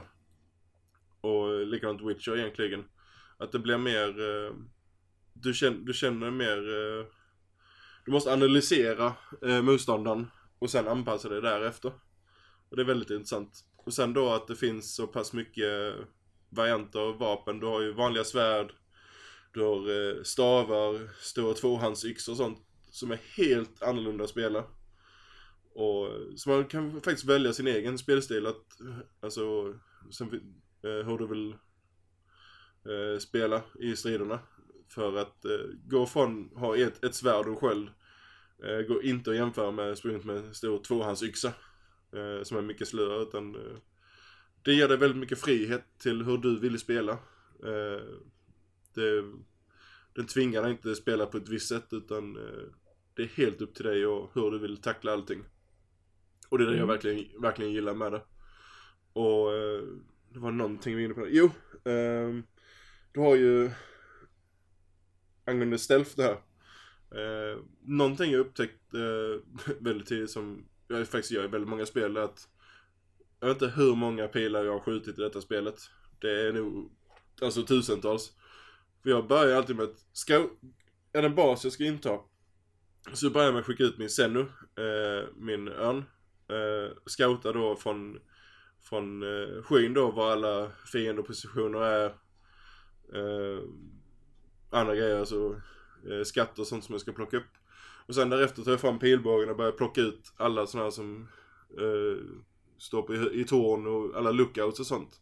Och sen när de är borta så bara smyger man sig in, eh, dödar den man ska döda, plockar de, den looten man vill ha och sen sticker därifrån. Om inte helvetet brakar loss. För då är det bara fram med eh, valfritt vapen och bara slåss som en dåre. Men det är inte Ja, det, är så jag vill, det är så jag vill spela Assassin's Creed. Jag vill kunna ta mig obemärkt in och ut liksom. Och sen kunna strida om helvetet skulle braka loss. Jo, men det, jag vill ju inte bli upptäckt. Det är så jag alltid vill spela Assassin's Creed-spel. Jag vill ju inte bli upptäckt. Men det har, det har liksom inte funkat. Men Nej, alltså Men de har när- när de det har ändrat funkar. de- detection-systemet också att eh, skulle de se dig på avstånd så får du, du ser en sån här vit halvbåge då, alltså varifrån personen ser dig så att säga. Eh, men som det har varit i många, i Assassin's Creed tidigare och många andra spel också att när de väl upptäcker dig eh, eller ser dig så har det varit att då helvetet brakar loss direkt för då upptäcker de dig utan här är det bara att de ser någonting så går de fram för att undersöka så att du har gott om tid på dig att reparera att någon har fått syn på dig eh, innan helvetet brakar loss. det är inte som Uncharted typ när en ser en och alla börjar skjuta på samma Nej, precis. sitter på. Nej, nej, det är det inte. Eh, här är det oftast alltså, det räcker att du kan bli upp, upptäckt av en person. Men hela basen får, kom, blir, kommer inte efter utan du, kan- du kan stå och slåss med honom en stund. Ingen annan i, alltså, runt omkring bryr sig eller upptäckt att du är där. Så att säga. Så, eh, så länge det inte går ett alarm i basen så eh, har du gott om tid på dig att reparera det. Och återgå till att smyga runt, så att säga. Men eh, just angående det här vapnet, du har, du har ju fyra stycken varianter av pilbågen. Det här är rätt intressant. Eh, du har den här vanliga pilbågen, du typ spänner bågen och sen gör du mer damage ju mer du spänner den. En klassisk pilbåge. Sen har du den här eh, Predator Bone som de heter. Som är i princip en sniper. Den gör massiv damage. Och det finns en skill till den så att du kan guida pilen. Nu kan man ju debattera hur verklighetstroget detta är men man kan väl se, se det som att han har eh, tillräckligt eh, bra träning för eh, bend the arrow, om man skulle säga så. Det, det är en kul grej, men sen har du två special pilbågar. eh, Warrior Bone då som i princip är en shotgun. Den kan sk- skjuta av fem pilar samtidigt. Vilket är rätt kul. Eh, Men Mm. den absolut roligaste pilbågen i närstrid är eh, Lightbone. Som är, du laddar upp, jag tror det är fem, fyra eller fem pilar du börjar med innan du uppgraderar det. Som jättesnabbt efter varandra. Det är precis som att skjuta en, en, ett maskingevär. Bara skjuter dem poff, poff, poff. Eh, och det, det är hur roligt som helst att gå in, gå in i bas. Först plocka bort alla lookoutsen då med Predator Bone på avstånd. Smyga runt i basen. Skulle det bli upptäckt så bara tar du fram den här Lightbone och smäller av fem pilar på raken. Det, Ja. Det låter ju som att det är liksom lite mer anpassat för just ja, det, ja, det, alltså, spelmässigt enklare att eh, ta hand om saker än just bara... det är så att du styr spelet, spelet styr styr inte dig mer åt det hållet. Ja men det är så, de har, det är många spel som har varit så. Jag tycker inte Assassin's Creed har nått upp till den nivån av smygande som har, som har känts tillfredsställande. Precis som, som eh, Tomb Raider har gjort med pilbågen. Att man har kunnat plocka ut på avstånd och sådär på samma sätt. Jag har, så det är det jag blir glad över att höra nu, att man kan liksom... Ja, det är för, det är första gången också alltså, vi verkligen får en riktig pilbåge. Alltså Mm. den ersätter ju i princip det vi har haft innan. Alltså pilbågen är ju, blir väldigt vitalt vapen. Eh, eh, I många spelstilar. Just då antingen för att plocka upp den på avstånd eller som då med lightbone, alltså använda den i, i rena striderna. Eh, närstrider och sånt. Du har ju alltid eh, väldigt tidigt köpt upp så att du kan ha två pilbågar och eh, två melee-vapen då. Och växla mellan. Så att eh, du har, det är inte så att eh, du har antingen ett svärd eller en pilbåge utan det blir, du växlar däremellan. Eh, väldigt rätt, det går väldigt snabbt att gå från pilbåge till svärd eller svärd till pilbåge så att säga. Och eh, just då att du har alla de här perksen då på eh, Legendary Gear som eh, att den pilen alltid är eh, eh, eld på, alltså det är alltid en eldpil. Annars får man ju, har du ingen eldpil från början så får du gå bort eh, antingen till sån här bracer där, där det brinner eller lägga en fackla på marken och så rikta pilen mot den för att sätta följd på pilen. Men eh, jag har en pilbåge, alla mina pilbågar har, brinner automatiskt från början. Så ser man då en massa sån här eh, eh, krukor med eh, olja i så det är bara skjuta på det och helt plötsligt börjar halva basen brinna upp. Och det blir ett jävla liv för att de, de, de deras fokus är ju först och främst att släcka elden. Och skiter ju fullständigt att du smyger runt där i buskarna bredvid. Så eh, det är väldigt mycket taktiska grejer man kan göra. Så att eh, det är väldigt eh, sällan du tvingas till ta strid om du inte vill det. Utan du får det valet själv. Det låter bra. Och... Ja, jag, jag, som du vet, jag är enorm fan av spelserien. och- Men detta är nog, sen, förutom Black Flag så är detta nog det bästa i spelserien. Just på grund av alla ändringar de har gjort. Det känns, det känns fortfarande som ett Assassin's Creed fast eh, eh, det gör så pass mycket nytt. Ja, det låter positivt. Men, eh, ska vi snacka lite Mario kanske? Mario, Mm. vem är det? Ja, han som är så jävla super. Han som inte är en rörmokare längre. Är han inte det? Nej, Vad bra. Nintendo gick ut, han, han var en eh, typ sån här handyman, allt i allo. Mm. Eh, Ekonomin. De, eh, de ändrar hans backstory helt plötsligt. ja, från att vara rörmokare till eh, så- typ sådär, vad heter det? Ändrar hans origin story lika många som de gör i South Park The Fracture Buckthole. Ja, lite, ja, lite så. Nej, det, han var inte rörmokare längre, var, vad, vad heter det? Alltså en vanlig sån här typ vaktmästare, alltså gör allting. Allt i allo. Typ jag. Mm. Nej, men Ja, ja. eh, Odyssey, Roger och Blomstrand, ni har dykt in ner i. Mm. Marcus, du har varit tyst Mm. väldigt länge. Pratar du? Ja, alltså jag kommer vara lite... 10 Så här. 10 av 10 punkt. Nej, nej, nej, nej, faktiskt inte. Ehm, så här. Super Mario Galaxy 1 och 2 är de bästa plattformsspelen någonsin i tredje rymd. Nej. P- punkt. Ehm, det här spelet är ruskigt kreativt. Ehm, mycket på grund av att spelme- alltså huvud liksom mekaniken är att du, du tar över liksom objekt och figurer och sånt där genom att kasta en hatt på det.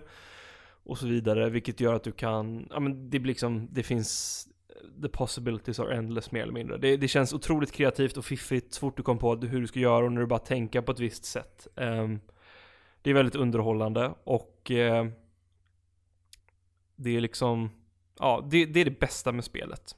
Helt klart. Um, men jag tycker att det saknar poleringen av ett AAA-spel. Uh, eh, rent, rent tekniskt så är det väldigt ojämnt. Typ, jag fattar inte varför man slänger in en T-Rex som skär sig med grafiken. Uh, vissa texturer, alltså typ Marios animationer i ansiktet och sånt där är otroligt bra. Medan vissa texturer i backen på en gräsmatta kan se liksom förjäkliga ut i vissa sessioner. Eh, beroende på hur man står liksom. Eh, och att det är alldeles för många liksom stjärnor. Jag får ingen känsla av, alltså jag får ingen känsla av att jag Det känns som att hela spelet är bara myntsamlande typ. Demoner. Ja, jag vet. Stjärnor, men månar. Men, men, eh, alltså det känns aldrig som att Yes! Du vet som i Super Mario 64 eller typ Galaxy vid en boss. Utan allt känns väldigt, det känns som att du drar ner de här pikarna och topparna och det är bara ett jämnt flöde av månar. Vilket gör att du inte får den här liksom dopaminkicken på samma sätt som du fick när du spörde Bowser i Super Mario 64 eller liksom Du plockar den här stjärnan som var rätt utmanande. Utan att jag, jag vet inte, jag, jag tycker det är för många liksom månar. Det är, hur många är det? Typ 500 i hela spelet va? Eller någonting? Ja, 900 någonting. Ja, precis. Ja, men 900, det gör ju så här, okej men Det har ju liksom inte, att ta en måne i spelet, det kan ju vara liksom att sparka på en sten och så bara, ah, en måne. Och det tar bort lite tillfredsställelsen för mig för att det, är inte, det finns ju de här trippelmånarna bland annat och de ger ju lite mer. Um, men jag vet inte, jag gillar bara liksom inte, jag får inte den här dopaminkicken. Alltså det är ett jätte liksom så här kreativt spel. Och, och jag har roligt när jag spelar det. Men det är inte den här liksom jag vet inte, jag får inte den tillfredsställelsen riktigt rent liksom att åh, belöningen, Jesus fick en stjärna liksom, banan börjar om, nu ska jag ta den här stjärnan. Nu känns det bara som att jag springer runt och samlar på saker och det, det drar ner lite tillfredsställelsen för mig. Det som bär upp det, det är just det kreativa, hur du liksom nyttjar din, din omgivning och alla figurer och sånt där. Alltså, Eh, ja, banorna är ju sjukt jävla väldesignade. Alltså, Jo, ja, men jag finns- säger inte att de inte nej, är det. Men, nej, men jag försöker, men- alltså, det finns ju liksom, allting är så väl ut, uttänkt liksom. Står du i den här vinkeln så ser du liksom inte banan där du ska. Ställer du dig på ett annat ställe så ser du kanske, alltså det är så väl avvägt vad du, vad du, vad du ska se och inte se hela tiden i kameran när du Ja. står någonstans. Och, och göra banor på det sättet är fan, ja det är så jävla skickligt gjort alltså. Det, kan, Alltså, det är en annan utmaning är det ju för att Galaxy speciellt, det var ju liksom, det var ju en linjär upplevelse egentligen. Alltså, du, mer eller mindre alltså. Ja, här har de ju gått mer, det här, det här har de ju gått lite mer Breath of the Wild, utforskning. Alltså det här, Alltså, det här är Super Mario 64 på steroider. Ja men alltså det här, de har ju märkt att de har tagit av Breath of the Wild för här är det också ut, ut alltså du ska det, det här känns ungefär som att springa runt i slottet Super Mario 64, där hittar stjärnor och sånt hela tiden. Eh, Alltså det finns ju en massa hemligheter och du ska utforska och sådär. Eh, Men är det precis som i 64 att de du behöver de här x antal månader för att öppna upp eh, viss bana och så vidare? Ja, alltså du, du har ju ett visst antal månader du måste samla på varje bana för att komma vidare. Ja. Eh, och sen så, och det är inte många, det kanske är, jag vet inte hur många men mellan 10 och 15 kanske, 10 stycken. 10-15. Det blir aldrig så att man uh, går, letar, letar ihjäl sig för att komma vidare? Ja, alltså 10 och 15 så kan det kanske vara 60 månader på den banan egentligen. Men du behöver bara 15 ändå för att komma Ah, vidare. ja, du, be, du behöver Eh. inte samla en jättemassa för att... eh, Nej, nej. Eh, de är ganska väl alltså, utplacerade, de som man ska hitta och sådär. Mm. Det, det, det finns ju några som det, är så här, det blir ett naturligt flow main missions. Det finns ju vissa main missions som är lite större än de andra. Där du möter någon boss och sen så ska du göra, ta dig an och sådär. Så finns det ju alltid liksom, var du än tittar i detta spelet så, så finns det alltid någonting du kan hitta. Om det är mynt eller om det är månar eller vad det är för någonting.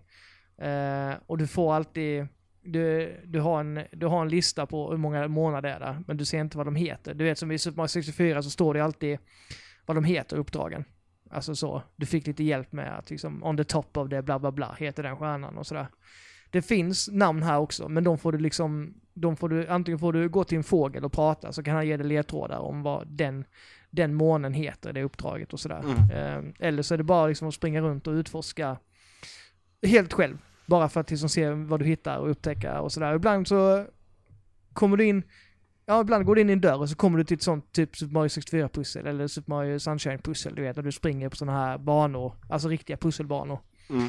Eller någon bana så ska du bli en dragkedja och dra ner liksom, alltså du kastar hatten på en dragkedja, dra ner eh, eh, skynket så det blir en bro över till nästa. Alltså det är väldigt kreativt, alltså som Marcus säger, det är så jävla kreativt allting. Det är liksom... Mm. Nej men det, det är ju det bästa. Alltså det, det, jag kommer ihåg att det fanns tendenser till det i Super Mario 3D World. När man var bara så här, åh, alltså lägg ner nu. Det, det är så klyftigt eh, ibland. Och här är det hela tiden.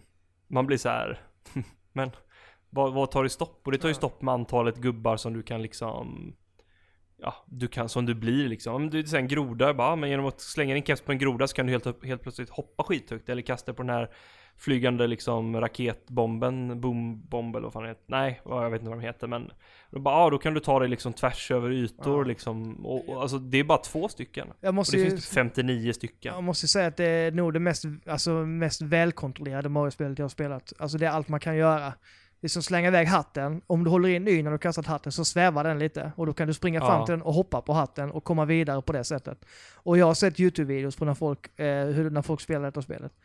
Alltså det är helt jävla sinnessjukt hur de spelar. Alltså de kan ta sig överallt med hjälp av den här hatten. Alltså så jag tror inte... Det är precis som i Breath of the Wild, du vet man byggde någonting och sen så lärde sig de att bygga någonting, bygga en jävla eh, luft, luft, eh, sån, luftskepp och sånt. Alltså likadant här. De utnyttjar hela miljöerna och sina allt vad Mario kan för att ta sig upp snabbare och sånt. Det ska bli så, det ska bli så kul att kolla på typ speedruns och sånt på detta spelet sen. För Ja, speedruns kommer bli rätt sjukt. Alltså det, det, Mario kan göra så mycket grejer och det är liksom bara, det är väldigt kul och, och, och liksom bara styra honom tycker jag. För att, ja, man, man upptäcker alltid nya sätt att ta sig, ta sig uppåt eller framåt eller över något, någon, någonstans som man egentligen ska kanske kunna göra från början. Men väl när man har lärt sig att göra det så, så sitter det liksom i, i en på ett sätt som jag så här. Ja, nej, han är så, det, det är en fröjd att kontrollera honom detta spel tycker jag. Nu lät det som att jag var supernegativ när jag pratade om spelet men... eh, Ja, men jag förstår vad du menar. Någon Jag- kritik jag förstår- som jag jag har förstår. sett eh, eh, av väldigt många, det är att den här påtvingade att även om du spelar med Pro Controller så måste du hålla på med move-grejer fast du har knappar som inte används. Alltså, varför inte bara ge spelaren möjlighet att antingen spela med eh, motion control eller spela med en Pro Controller. Jag tycker det är bara extremt dålig speldesign att tvinga eh, till motion control när du, när du inte behöver det. Ja, jag sitter ju med, jag, jag, hade, jag, jag hade ju min kontroll ikopplad, jag har ingen pro control, jag har ju bara de vanliga. Men först hade jag dem i, i den här själva, ja, modellgrejen som Ja. man håller liksom. Men eftersom det är eh, motion på vissa grejer, fast man, ja, man behöver inte använda motion. Jag, jag, har all, jag, alltså, jag har liksom aldrig behövt använda det i princip. Så det är inget man måste använda i spelet. Men jag kommer ihåg att det var någon gång, jag var uppe med tjejens föräldrar i Sälen satt jag och spelade på liksom, jag hade kört, kört fast liksom kontrollen i, i jag, jag var en groda och så skulle jag göra liksom en backhopp då. Och så fick, bara, jag bara, hur fan gör jag det? Jag försöker hålla ner L, men då slutade jag vara groda, jag hoppade liksom ur den och sån här. Och så testade jag bara, men vad händer om jag tar av de här? Och så bara shakear jag istället och så bara, då funkade det. Så då liksom, det gick inte att göra den där Men det, det är alltså dem. vissa grejer som du måste göra via motion control. Ja, och det störde mig. Jag bara, jag var tvungen att rycka ut mig, lägga den på ett bord och bara wacka och då funkade det och det gjorde mig jävligt förbannad. det har jag det- inte varit kommit, alltså jag har inte varit med om att jag har behövt använda motion någon gång bara för att Alltså jag, jag, jag, jag satt liksom som idiot i fem minuter och sen bara, men vad händer om jag tar bort och kanske skakar dem istället? Och då funkar det. Mm. Jag, alltså jag vet inte om det var det enda sättet, men det funkade direkt. Grejen är det i alla att- fall att man slipper det problemet om man, eh, som jag, har en joycon i varje hand. Det, det då är det Ja. liksom inget problem. Nej men alltså, det- nej men alltså Varför har du stöd för Pro-controllern om du, om du... Nej, nej, alltså jag förstår. Det, det är skitdumt. Varför de ens, alltså jag vill inte sitta och vicka på någon jävla handkontroll för att kasta så. Men jag Men säger, är jag säger bara, Problemet blir ju att då måste du ju köra de här kontrollerna separata för har du dem helt plötsligt, som du säger, den här eh, handkontrollsadaptern eller du har dem, eh, säger du, hur blir det om du kör handheld mode? Alltså om du har dem sammanfattade, alltså sa- sammankopplade på tableten, helt plötsligt måste du ta bort dem en massa gånger fram och tillbaka och så hålla på. Det, det känns ju väldigt... nej nej, eh, alltså det, det, det, går i twitcha bara. Det räcker med att twitcha kontrollen. Du vet som i, alltså så man behöver inte vifta utan det är bara Nej, nej, twitcha jag bara menar- så här snabbt. Så Jo, det, men, det, är eh, inga, det, det är inga, Men hur, inga stora hur, hur gör du det samtidigt som den sitter fast i eh, tableten? Ja, ja precis. Det är så dumt. Det, det är det jag tycker är alltså, väldigt idioti. Eh, men just det, jag har aldrig liksom, jag, jag, jag har kommit långt, jag har aldrig behövt använda, jag har knappt använt motion överhuvudtaget. Eh, så att jag har inte upptäckt, upp, alltså, det, för mig så är det inget som jag behövt använda överhuvudtaget. Utan det är bara, känner- för mig är det mer en, en grej som att de har lagt in bara för att det finns motion liksom. Men det är inget som jag har behövt använda. För mig är den, den största invändningen som jag lite tog upp, det är ju det här att för att jag ska kunna känna att jag liksom tar allt i spelet så kommer jag vara tvungen att sitta med en YouTube-guide 30% av tiden nästan. För att det är så otroligt, alltså så här. I de gamla spelen var det bara, ah men det är bara att köra på och försöka vara duktig liksom. Du kommer hitta liksom alla stjärnor. Här är det liksom 900. Det är lite som att samla på alla cork seeds känns det som. Och det gör mig lite stressad. Eh, det gör typ att jag inte är sugen på att plocka allting och det gör att jag känner mig så icke tillfredsställd. Jag vet inte, jag hade hellre bara velat ha typ åtta stjärnor och så that's it. Och så är de lite mer utmanande för att jag får liksom ingen kick av att ta en skär, en sån här moon, det är såhär, ja. Ja okej okay, Ja. Det finns 60 stycken på den här banan, 900 i spelet. Och det har alltid varit en stor grej liksom med Super Mario att man Ja, men man växte upp med Super Mario 64, man hade ihjäl en boss eller någonting, man sprang i någon kapplöpning upp för ett berg liksom mot en kuppagubbe. Det kändes som att man uträttade saker, nu känns det bara som att man samlar på saker. Och det gör för att min, min så här, sinnesnivå blir väldigt monoton. Och det enda gången är som jag blir så här, oh det här är bra. Det är när man liksom gör något pusselrelaterat eller dylikt liksom. Jag tyckte också så när jag började spela spelet. Att fan det skulle vara så Super Mario 64. Att man hade det så här. Men när jag upptäckte att det är inte som Corexid för att alla, alla uppdrag har ett namn. Alla månader har ett namn i hela spelet. Man måste göra någonting för att hitta stjärnan. Eller den. Okej. Och eh, går man då till fågeln och pratar med honom och han läser, läser upp vad, det, vad den heter, det uppdraget till exempel.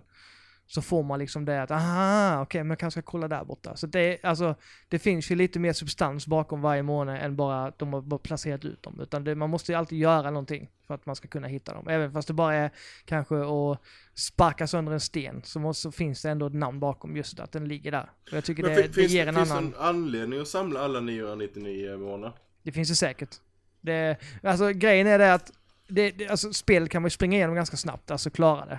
Men det är ju, det är ju som sagt, Mario har ju alltid ett endgame. Det är där utmaningen kommer sen. Där det är banor som är liksom, ja, som är riktigt, riktigt, riktigt jävla svåra. Ehm, så att vill man bara springa igenom spelet så kan man göra det ganska snabbt. Men det är som sagt endgamet som gör att man, eh, att man, att man håller sig kvar sen och Mm. vill klara. För att det är alltid de banorna som är utmanande. Det, det är liksom ingen, det är ingen utmaning att ta sig till slutet i detta spelet. Det, det kan man göra ganska snabbt. Utan då får man ju, med, det, grejen är det att jag vill ju, jag vill ta med mig min switch hem till jul sen och bara ligga och försöka liksom samla allting. För att eh, ändå, det finns en tanke bakom många av sakerna där och jag tycker det ja, jag, jag, jag, jag, känner inte det att det är någon liksom, visst det är många jävla månader men jag, jag, jag tittar på den här planeten, eller den jag är på liksom, och bara, ja jag, jag har hittat 30 av 66. Var fan kan de andra 30 finnas någonstans? Det gör mig nyfiken liksom, vad de Mm. har gömt dem. Jag, jag Det känner... där gör mig stressad istället. Jag blir såhär, jag vill fan inte spela det spelet. Jag Ja, men jag- här, nej, jag brukar vara en guide typ. Men du behöver ju inte samla dem. Alltså jag är sån, jag hatar att samla grejer egentligen, men i Super Mario-spel vill jag alltid samla allting. För jag vet att Nintendo är duktiga på att jag kan bara komma ner till ett pussel helt plötsligt som bara, vad fan? Alltså, som är liksom Men så typ, skitväl designat. Eh, Att ta alla stjärnor liksom i Galaxy-spelen tog, och typ göra allt, det kanske tog 20 timmar. Det här måste ju ta typ 80 timmar eller 60 timmar känns det som. Ah, beror, det, jag, jag tror det beror väldigt mycket på hur mycket man utforskar. Alltså det, det, det vet man, man, alltså så hittar man en, en månad så behöver det inte ta lång tid att och, och liksom, och, och klara den, eller så. Det är mer bara hur mycket man är villig att springa runt och, och så här. Ja, men alltså, det handlar om vinklar allting ju. Det gäller att hela tiden stanna upp, kolla, hmm, det här, nu ser jag ingenting. Rör jag mig en meter åt vänster och eh, kollar runt mig så kan man kanske se en måne helt plötsligt man inte ser från en annan vinkel. Det är det som de är så duktiga på. Verkligen bara hitta, utnyttja varenda, varenda utrymme eh, på ett sånt bra sätt. Jag vet inte, och sen, jag tycker, jag tycker om att det är så jävla fantasifulla världar. Jag tycker om att hoppa från en, en T-Rex med Mario-mustasch och Mario-hatt på sig till, eh, till en jävla strand där han springer i sina badshorts och bara myser. Och, och sen komma till New Donk City där det bara regnar först och, och så här skitsnygga regneffekter. Jag tycker de är skitsnygga. Eh, och hoppa hopprep för att få en måne. Och hoppa på en vespa och köra upp på taken. Alltså det, man, kan, man tar ingen skada ju. Så att, kör man den uppe på taken så kan man, kan man köra den rakt ner för hela jävla skyskrapan. Och bara så här. Ja, Jag tycker det, det, det är bara, det är bara spelglädje som vanligt när det är som här spelen. Men jag har sagt, jag förstår vad du menar Marcus, för jag kände också så först, att jag ville ha mer, alltså färre månader, men med lite längre uppdrag kanske. Eh, Jag kanske behöver konvertera. Nej, nej, alltså jag förstår det. Jag tänkte också så, men sen tänkte jag om för att det, jag sagt, Sen såg du ljuset. nej men hade det, ha- hade, hade det inte funnits namn på varenda måne, hade det inte funnits namn på varenda måne, alltså så som finns att hitta, att du, Ja, men det kan ju inte finnas Att de- 999 olika namn. jo, det är alltså, det, det, alla månar i spelet heter någonting. Det går inte att hitta en måne som inte finns ute, ute alltså, som, som inte är döpt. Det är många Jag vet namn. inte om det finns 900, men eh, ja, det är det. Och de, de heter ju typ som de heter Super Mario 64. On top of the Goomba, bla bla bla. In the trash, bla bla bla. Alltså sådär. Ja, ja, okej, Eh. du menar, de är mer referens till var de kommer ifrån så att säga. Ja, men vissa är ju såhär Men väldigt namn roliga. trodde En- jag alltså en- fysiska namn, alltså. Nej, nej, men alltså de är döpta uppdragen till allting eller sådär. Det är ju en, en som hette What's in the box? Det är rätt roligt. What's in the Det box? kommer Nintendo-spel. Det är Seven-referens i ett Nintendo-spel. tycker jag var roligt. Men det måste varit någon, det, det, kan inte varit någon så här hurtig japan, det måste varit någon så här västerländsk. Om de bara, kanske, "It's- inte, de kanske meme." inte ens har tänkt på det. Det skulle inte förvåna mig. De bara jaha. Det är en Seven-referens, okej. Ja. Det där är typ något Ubisoft, det där har jag märkt. Fan vad Ubisoft har gjort alla såna här skämt och memes och grejer mycket bättre än vad Obsidian gjorde i South Park.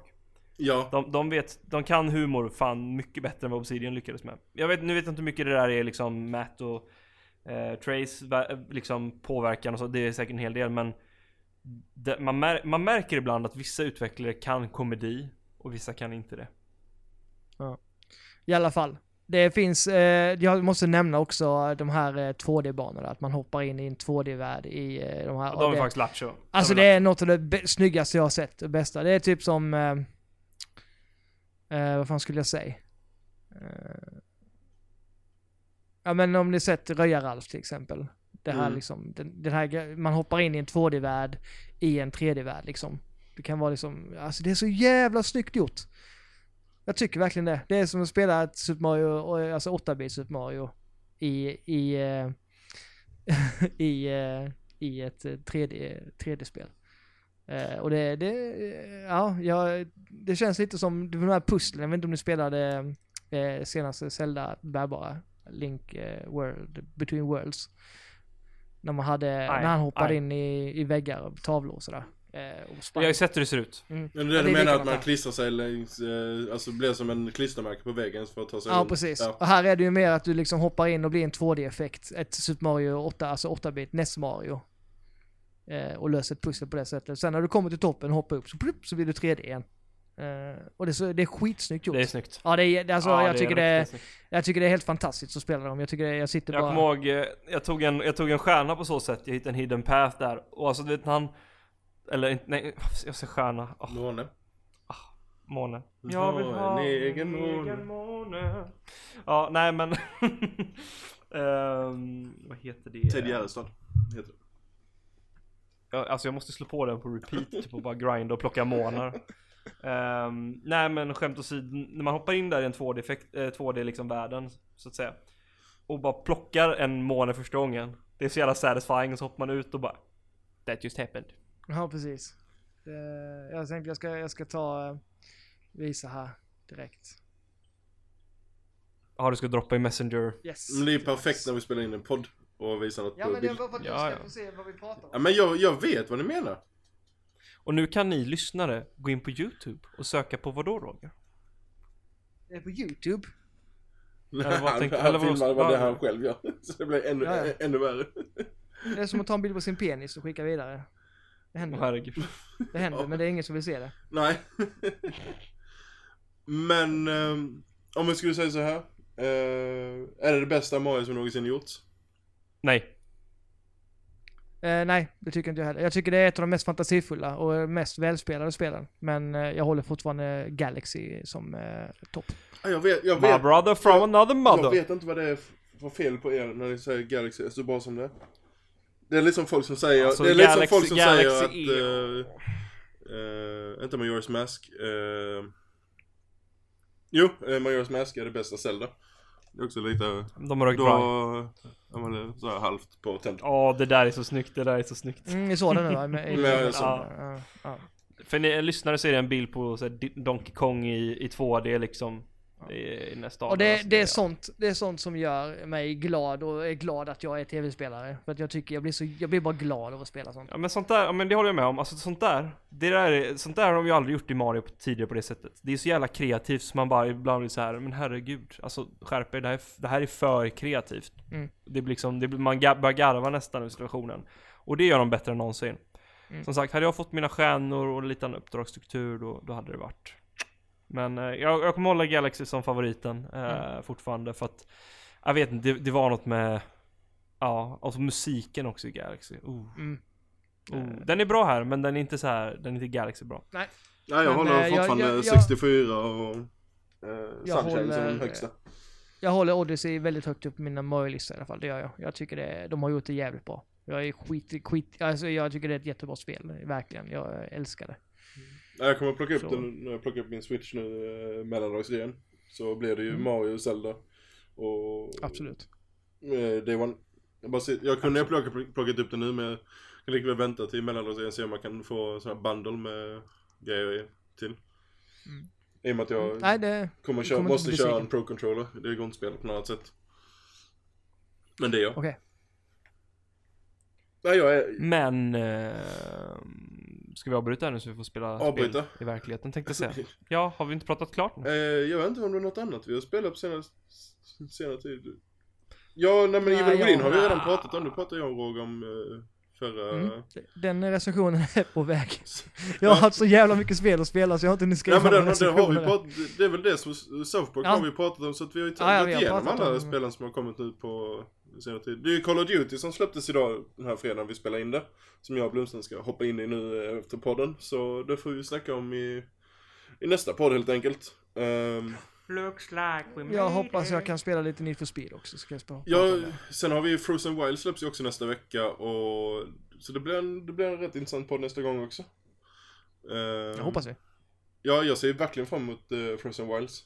Uh, få återvända till den otroliga världen. Med eh, nya Mm. monster och vapen och nytt område att utforska och... Vilket datum släpps det? Eh, Frozen Wilds är eh, nästa fredag. Okej. Så det är, för mig det är samma dag som uh, Need for Speed Payback. Det är det Vill jag kanske. Jag, ska, jag vill spela Need for Speed Payback. Jag för mig det, det är nästa vecka på Need for Speed också så att, eh, Men, uh, ska vi avrunda där och eh, så tar vi de andra spelen till eh, nästa avsnitt helt enkelt. Yes! Och... eh, Det låter bra. Så detta var avsnitt eh, 59. Eh, våra tankar om eh, Mario, Assassin's Creed, eh, Wolfenstein. Och eh, så blir det lite mer dinosaurier och brum-brum och skjutande i nazistzombies och allt sånt i nästa avsnitt helt enkelt. Hörde jag Knorr-Selma i bakgrunden? Åh, vad mysigt. Eh, Nej, det, det, det är lugnt. det blev en bra avrundning där. Så fram till, fram till nästa avsnitt får ni, får ni ha det så gött. Så säger vi av här. Tja! Ciao, ciao. Hej!